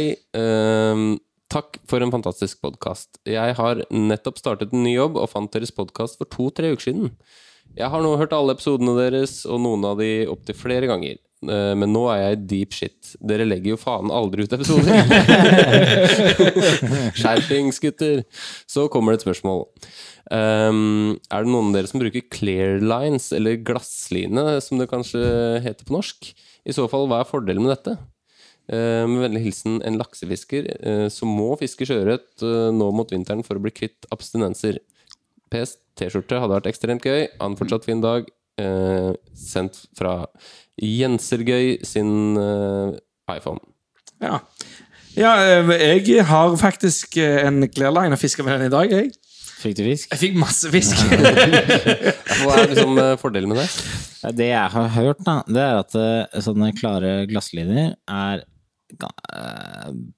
Problemet er at du, du ser, ser det ikke, ikke sant? Bare, hvor er lina?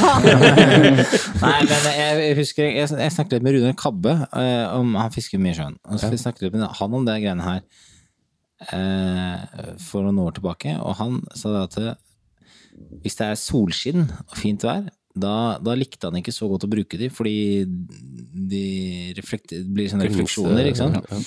Mens i overskyet vær så var det kuranta. Ja, det, det kan nok stemme, det. I dag var det sol, du hadde glassline, Ja. du fikk fisk. Ja. Neida, men Det tror jeg mer, mer flua. Men, eh, men eh, altså Det er fordeler og ulemper med glasslina. Jeg tror du kan ha litt kortere fortom med, med glasslina. Han, eh, han er jo Men er det en fordel? Ha kortere fortom? ikke, ikke alltid, men uh, hvis det er mye vind, eksempel, så kan det være en fordel med litt kortere fortom. Jeg vil gjerne ha så lang fortom som mulig. Ja. får vi fiske med sånn Ja. åtte stanglengder eller noe sånt, er ikke det? Nei, ja, det er vel å ta i, men jeg, jeg, jeg fisker jo generelt sett med 2,5 til 3. Uansett, og selv på sjøørret så fisker jeg i hvert fall med 2,5. Og det er langt. Ja, det er Men langt. eh, det med glassliner Altså, jeg har jo fisket med glassliner eh, ikke i saltvann, faktisk, men i ferskvann. Men når vi sier, Det er ikke sikkert alle vet hva glassliner er, men altså, for det er ikke laget av glass. Men det er, Det er gjennomsiktig, det er en sånn gjennomsiktig eh, line. Men det som er ting, jeg, må, jeg vil bare si det en ting. Det, det, det med den glasslina, den er mm, Den har en annen mm, konsistens enn en vanlig line. Eh, og han, coatingen på glasslina er ikke like god. Så han, han altså i hvert fall Den min. litt fortere, ja. Den krakulerer mye fortere. Men også er det i hvert fall det, Nå er det en stund siden jeg brukte det, men når jeg brukte det, så sleit jeg veldig i vinterstid når det ble kaldt, fordi det ble mye mer minne i Ja. en glassline. Så hvis han her, hva heter den for noe? Jens Sergej. Hvis du skal fiske kjøret nå gjennom vinteren for å vente til laksefiske, så ville jeg heller gått for en, eh, en eh, vanlig Men hva var det han egentlig spurte om? Eh, Hva var fordelen med glasslina? Hva var Ja, fordelen med en glassline er jo at den i utgangspunktet, altså teorien der, er jo at den skal skremme mindre fisk. Eh, men nå snakker vi jo om dum sjøørret, hvor jeg har sett litt av hvert, og undervannsbilder hvor det står fire mann og denger liner tvers gjennom en sti med sjøørret. Jeg vet ikke hvor skremt de blir. Jeg. Altså, det er jo som med alt eh, fiske, at vi fiskere trenger å ha unnskyldninger for hvorfor vi ikke får fisk. Eh, fisken er enten eh, sånn som de sier i Montana, da, eh, educated trout, liksom at de har lært seg ditt. De har ikke lært seg en shit. Det er tingen. Nei, men, men, men det, det må jo altså, Sånn som i Hemsil, da. Ja. Så der er det jo den, som fisk som blir tatt sju-åtte ganger på en sesong. Ja. Og da mener de lokale at de blir særere, den fisken, da. Eh, Det fisken blir, det er at de eh, Det er ikke nødvendigvis at de skjønner at noen mønstre er farlige. Det er noe der som skjønner at de skjønner at det er fare. Ja, det er mest skvettende, Det, altså, det som skjer Skeptisk veldig ofte i Hemsil, er at fisken dytter på flua. Ja. Så man tror at den vaker, og så gjør man tilslag, og så Å, faen, jeg bomtro. Mm. Men, men i realiteten så er fisken oppe og nærmest som en hai som biter på ting, fordi at de har ikke hender. Mm. Så de må sjekke hva det er. eh, så hemsilørreten som har blitt fisket på fryktelig mye, de går opp, og så dytter de på flua for å sjekke om det er noe gærent, og da gjør folk tilslag, og da blir de skremt. Da er de jo på en måte litt educated, da. Eh, litt.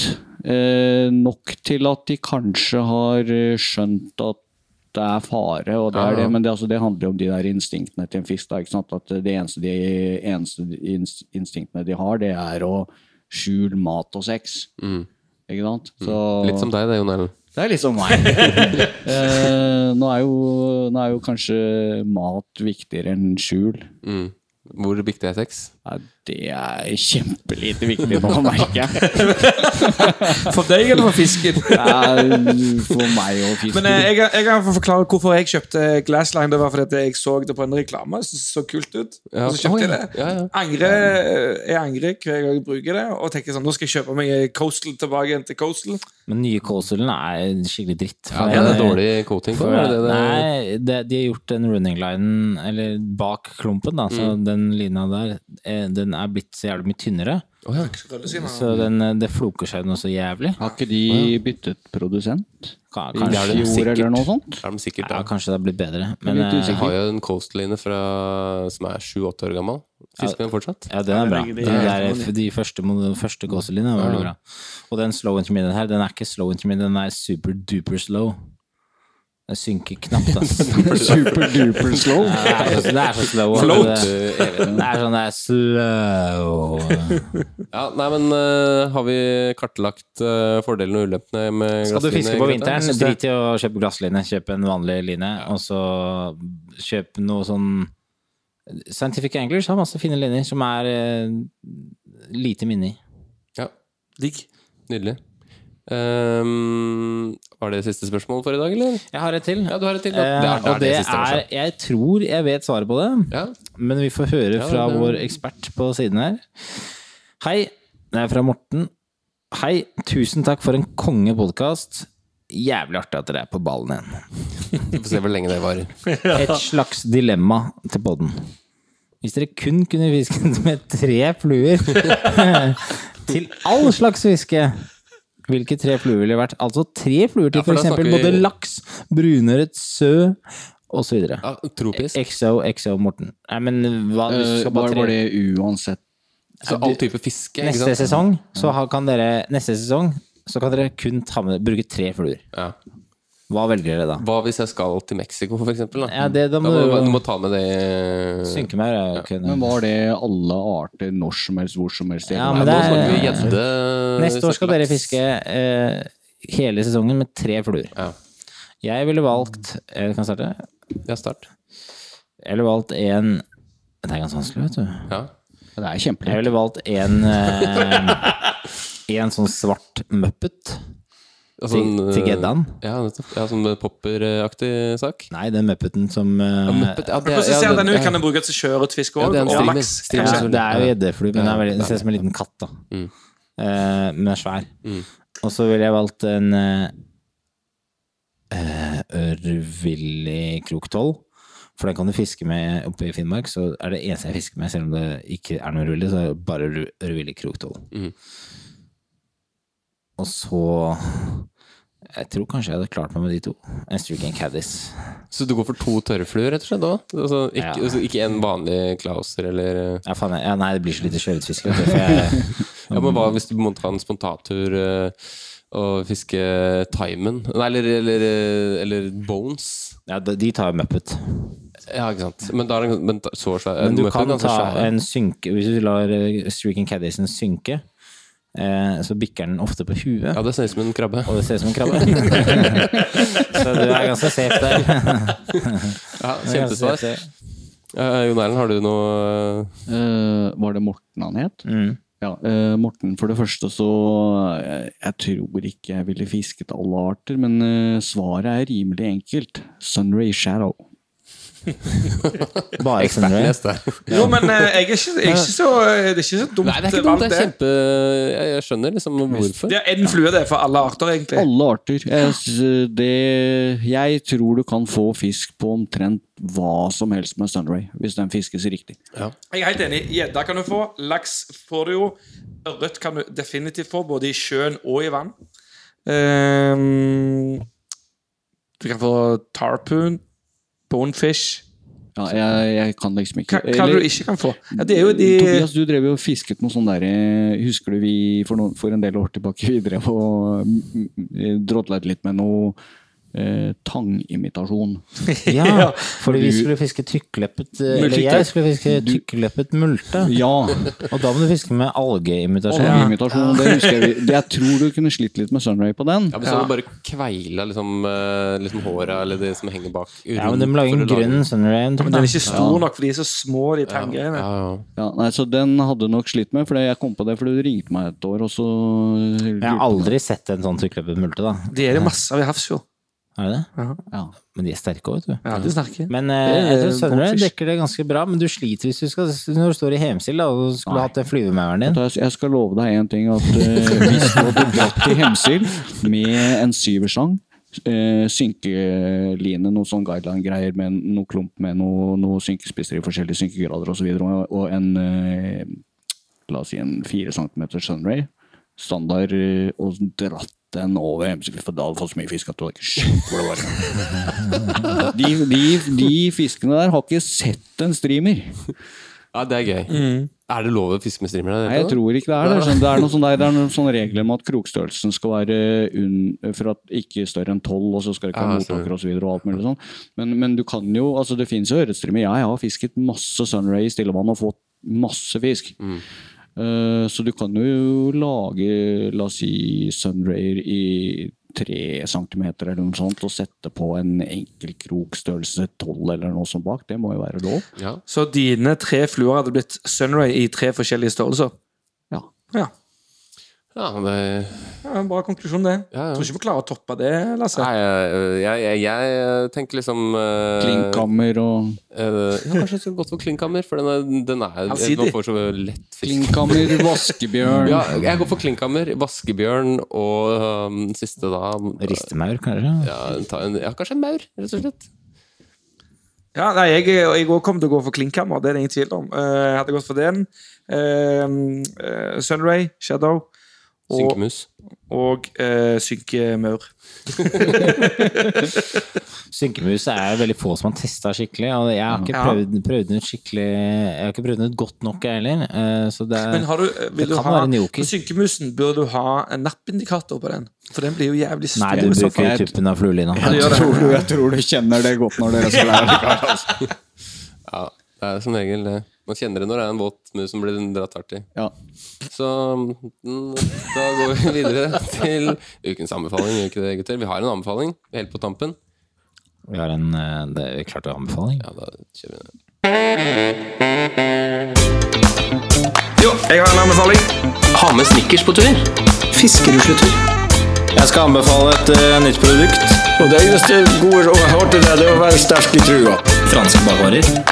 Croissant. Jeg vil faktisk anbefale fisk og preik. Jeg vil eh, faktisk anbefale fisk og preik. Jeg Eh, tror ikke det er en eneste episode hvor vi ikke etter du har lagd ingen, hvor vi ikke har eh, gjengitt Kristoffer Løvaas. det er umulig. å Kristoffer Løvaas blir nevnt hver eneste episode. Det er ikke. Det var verst. sjakktrekk, det han Ja, det var eh, sjakktrekk. den Ja, anbefalingen. ja, fader, for en bra greie han kom med der. Ja, det var veldig, det var et. Virkelig.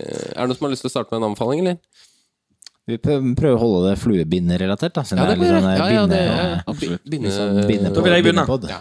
Uh, ikke mist troen på flua di, selv om du ikke er helt fornøyd med resultatet. Fordi det, Alt kan funke. Ja, det var, det var en god anbefaling. Ja. Jeg har en, eh, en sånn teknisk um, anbefaling som jeg har lært av Jon Erlend, som jeg bruker hele tida.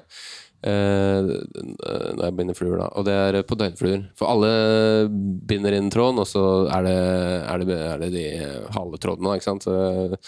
Og mm, da er det mange som bruker liksom eh, tråd for å splitte dem og alt sånn. Jon Erlend lærte meg en gang en, eh, et tips på hvordan man binder inn eh, de halvtrådene. Og det revolusjonerte på en måte min eh, fluebinderhverdag, da, for da ble det liksom Gikk fra å bruke ti minutter på halvtråd til å bruke ti sekunder. Ti sekunder, ja. Uh, Og du lærte til meg òg. Jeg bruker også bare den. Ja, det gjør, gjør det, ja. Mm, Eh, det blir perfekt hver gang. Jona, ja, det gjør faktisk det. Når det er sagt, det er jo ikke jeg som har funnet opp det. Nei da, men du har vist oss det. Men har, har du noe video liggende ute av det? Uh, nei, men jeg lurer på om ikke Svein har det. Jo, jeg har det!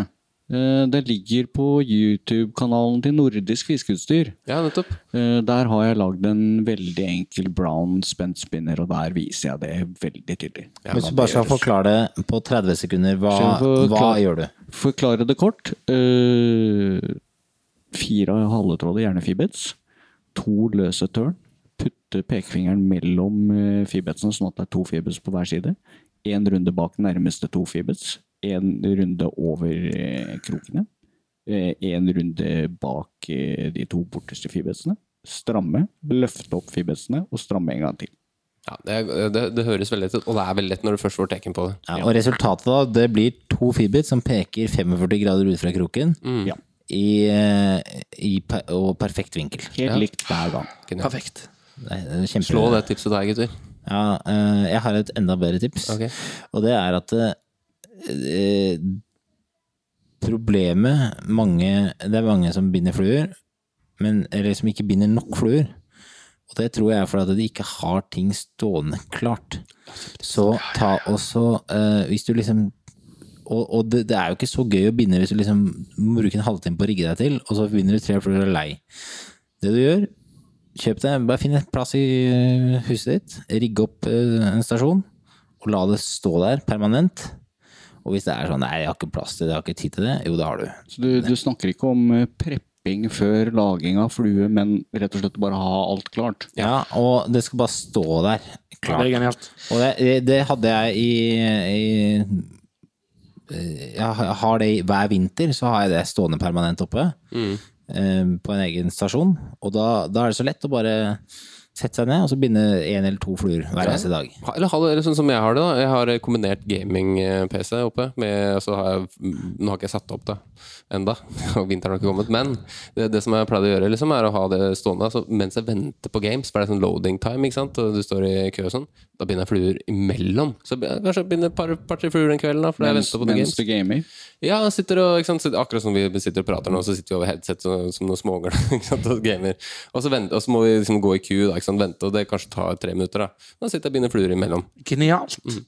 Det er jo, det er jo genialt. Det er genialt. Det er jo Jeg vil faktisk anbefale det Lasse sa. ja, det, ja. Det var egentlig Tobias sitt tips, da. Ja, det var det.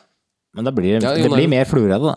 Ja, det gjør det. Må jeg også komme med Ja, du må ikke, men har du et tips? Du jeg, har et, sånn- jeg har et veldig godt tips, og det er eh, Hvis det skal være fluebinderelatert, Ja. eh, så må det være 'less is more'. Er tipsmetall. det betyr egentlig som ny binder eh, Ta halvparten av de materialene du egentlig tror du trenger, og så tar du halvparten av det igjen, og da er du nok på riktig. Ja, For eksempel hvor, hvor mye du bruker på dubbing. for eksempel. Ja, ikke sant? Ja, kjempe, kjempefin anbefaling. Er det noen som har noen uh, trang til å si noe før vi Ja, et siste spørsmål når vi først er her og har Jon Arne her. Tappaniflua. Hæ? Tappaniflua. Har du hørt om den? Nei. Den som er bundet på en uh, Ikea uh, Et Ikea-teppe. Uh, Er det en vits, eller? Jeg skjønner ingenting. Håvard Stubbe bruker den. Tapp Den ser jo drit... Den den fisker jo dritbra. Kjempegøy det du sa der, Adrian. Da takker vi for i dag, gjør vi ikke det, Ja, da? det gjør vi. Ja, men hvis, du har ikke hørt om den flua? Nei, jeg må innrømme at hva skal jeg si for noe, Håvard er en hyggelig fyr, og men jeg, jeg har ikke fulgt med så mye på hva slags fluer han bruker. Det blir så mye jazz. Det blir litt, litt, altså, eh, Håvard, eh, du er en fantastisk musiker, og sånn, så ikke misforstå meg, men jeg er ikke noen sånn jazzfyr. Så det blir Jeg, jeg husker jeg, jeg kjøpte alle de DVD-ene deres med Jazz and Fly Fishing. Ja, ja. Eh, og det ble litt mye jazz. Ja. Ok! ja. Nei, men, Nei, men tusen takk for at du kom inn, Erlend. Ja, takk for du kom. Tusen takk for masse fine lyttespørsmål. Som vi må Du må gi bort en eh, Gi bort. Ja, det må vi Ja. ikke glemme. Og da Jeg er- husker ikke hva han het, men eh, det spørsmålet om eh, du skulle fortsette å vente på storfisk i et vann hvor det var lite fisk, eller gå videre, syns jeg var et, faktisk et godt spørsmål, så Ja. det, jeg velger det. Da Han veit vel hvem eh, Det var Erik. Erik, ja. Og han er ganske Han fortjener eh, Han fortjener Han har i hvert fall ventet lenge på svarene sine. Han har ventet veldig lenge, og den som venter på noe godt, venter ikke forgjeves. Så, så da får Eh, Erik Kjempebra. Da takker vi for i dag. Ha det bra! Ha det bra. Har du bidrag til oss i Fisk og preik, så send oss gjerne en mail på fiskpreik at gmail.com eller på våre Facebook-sider.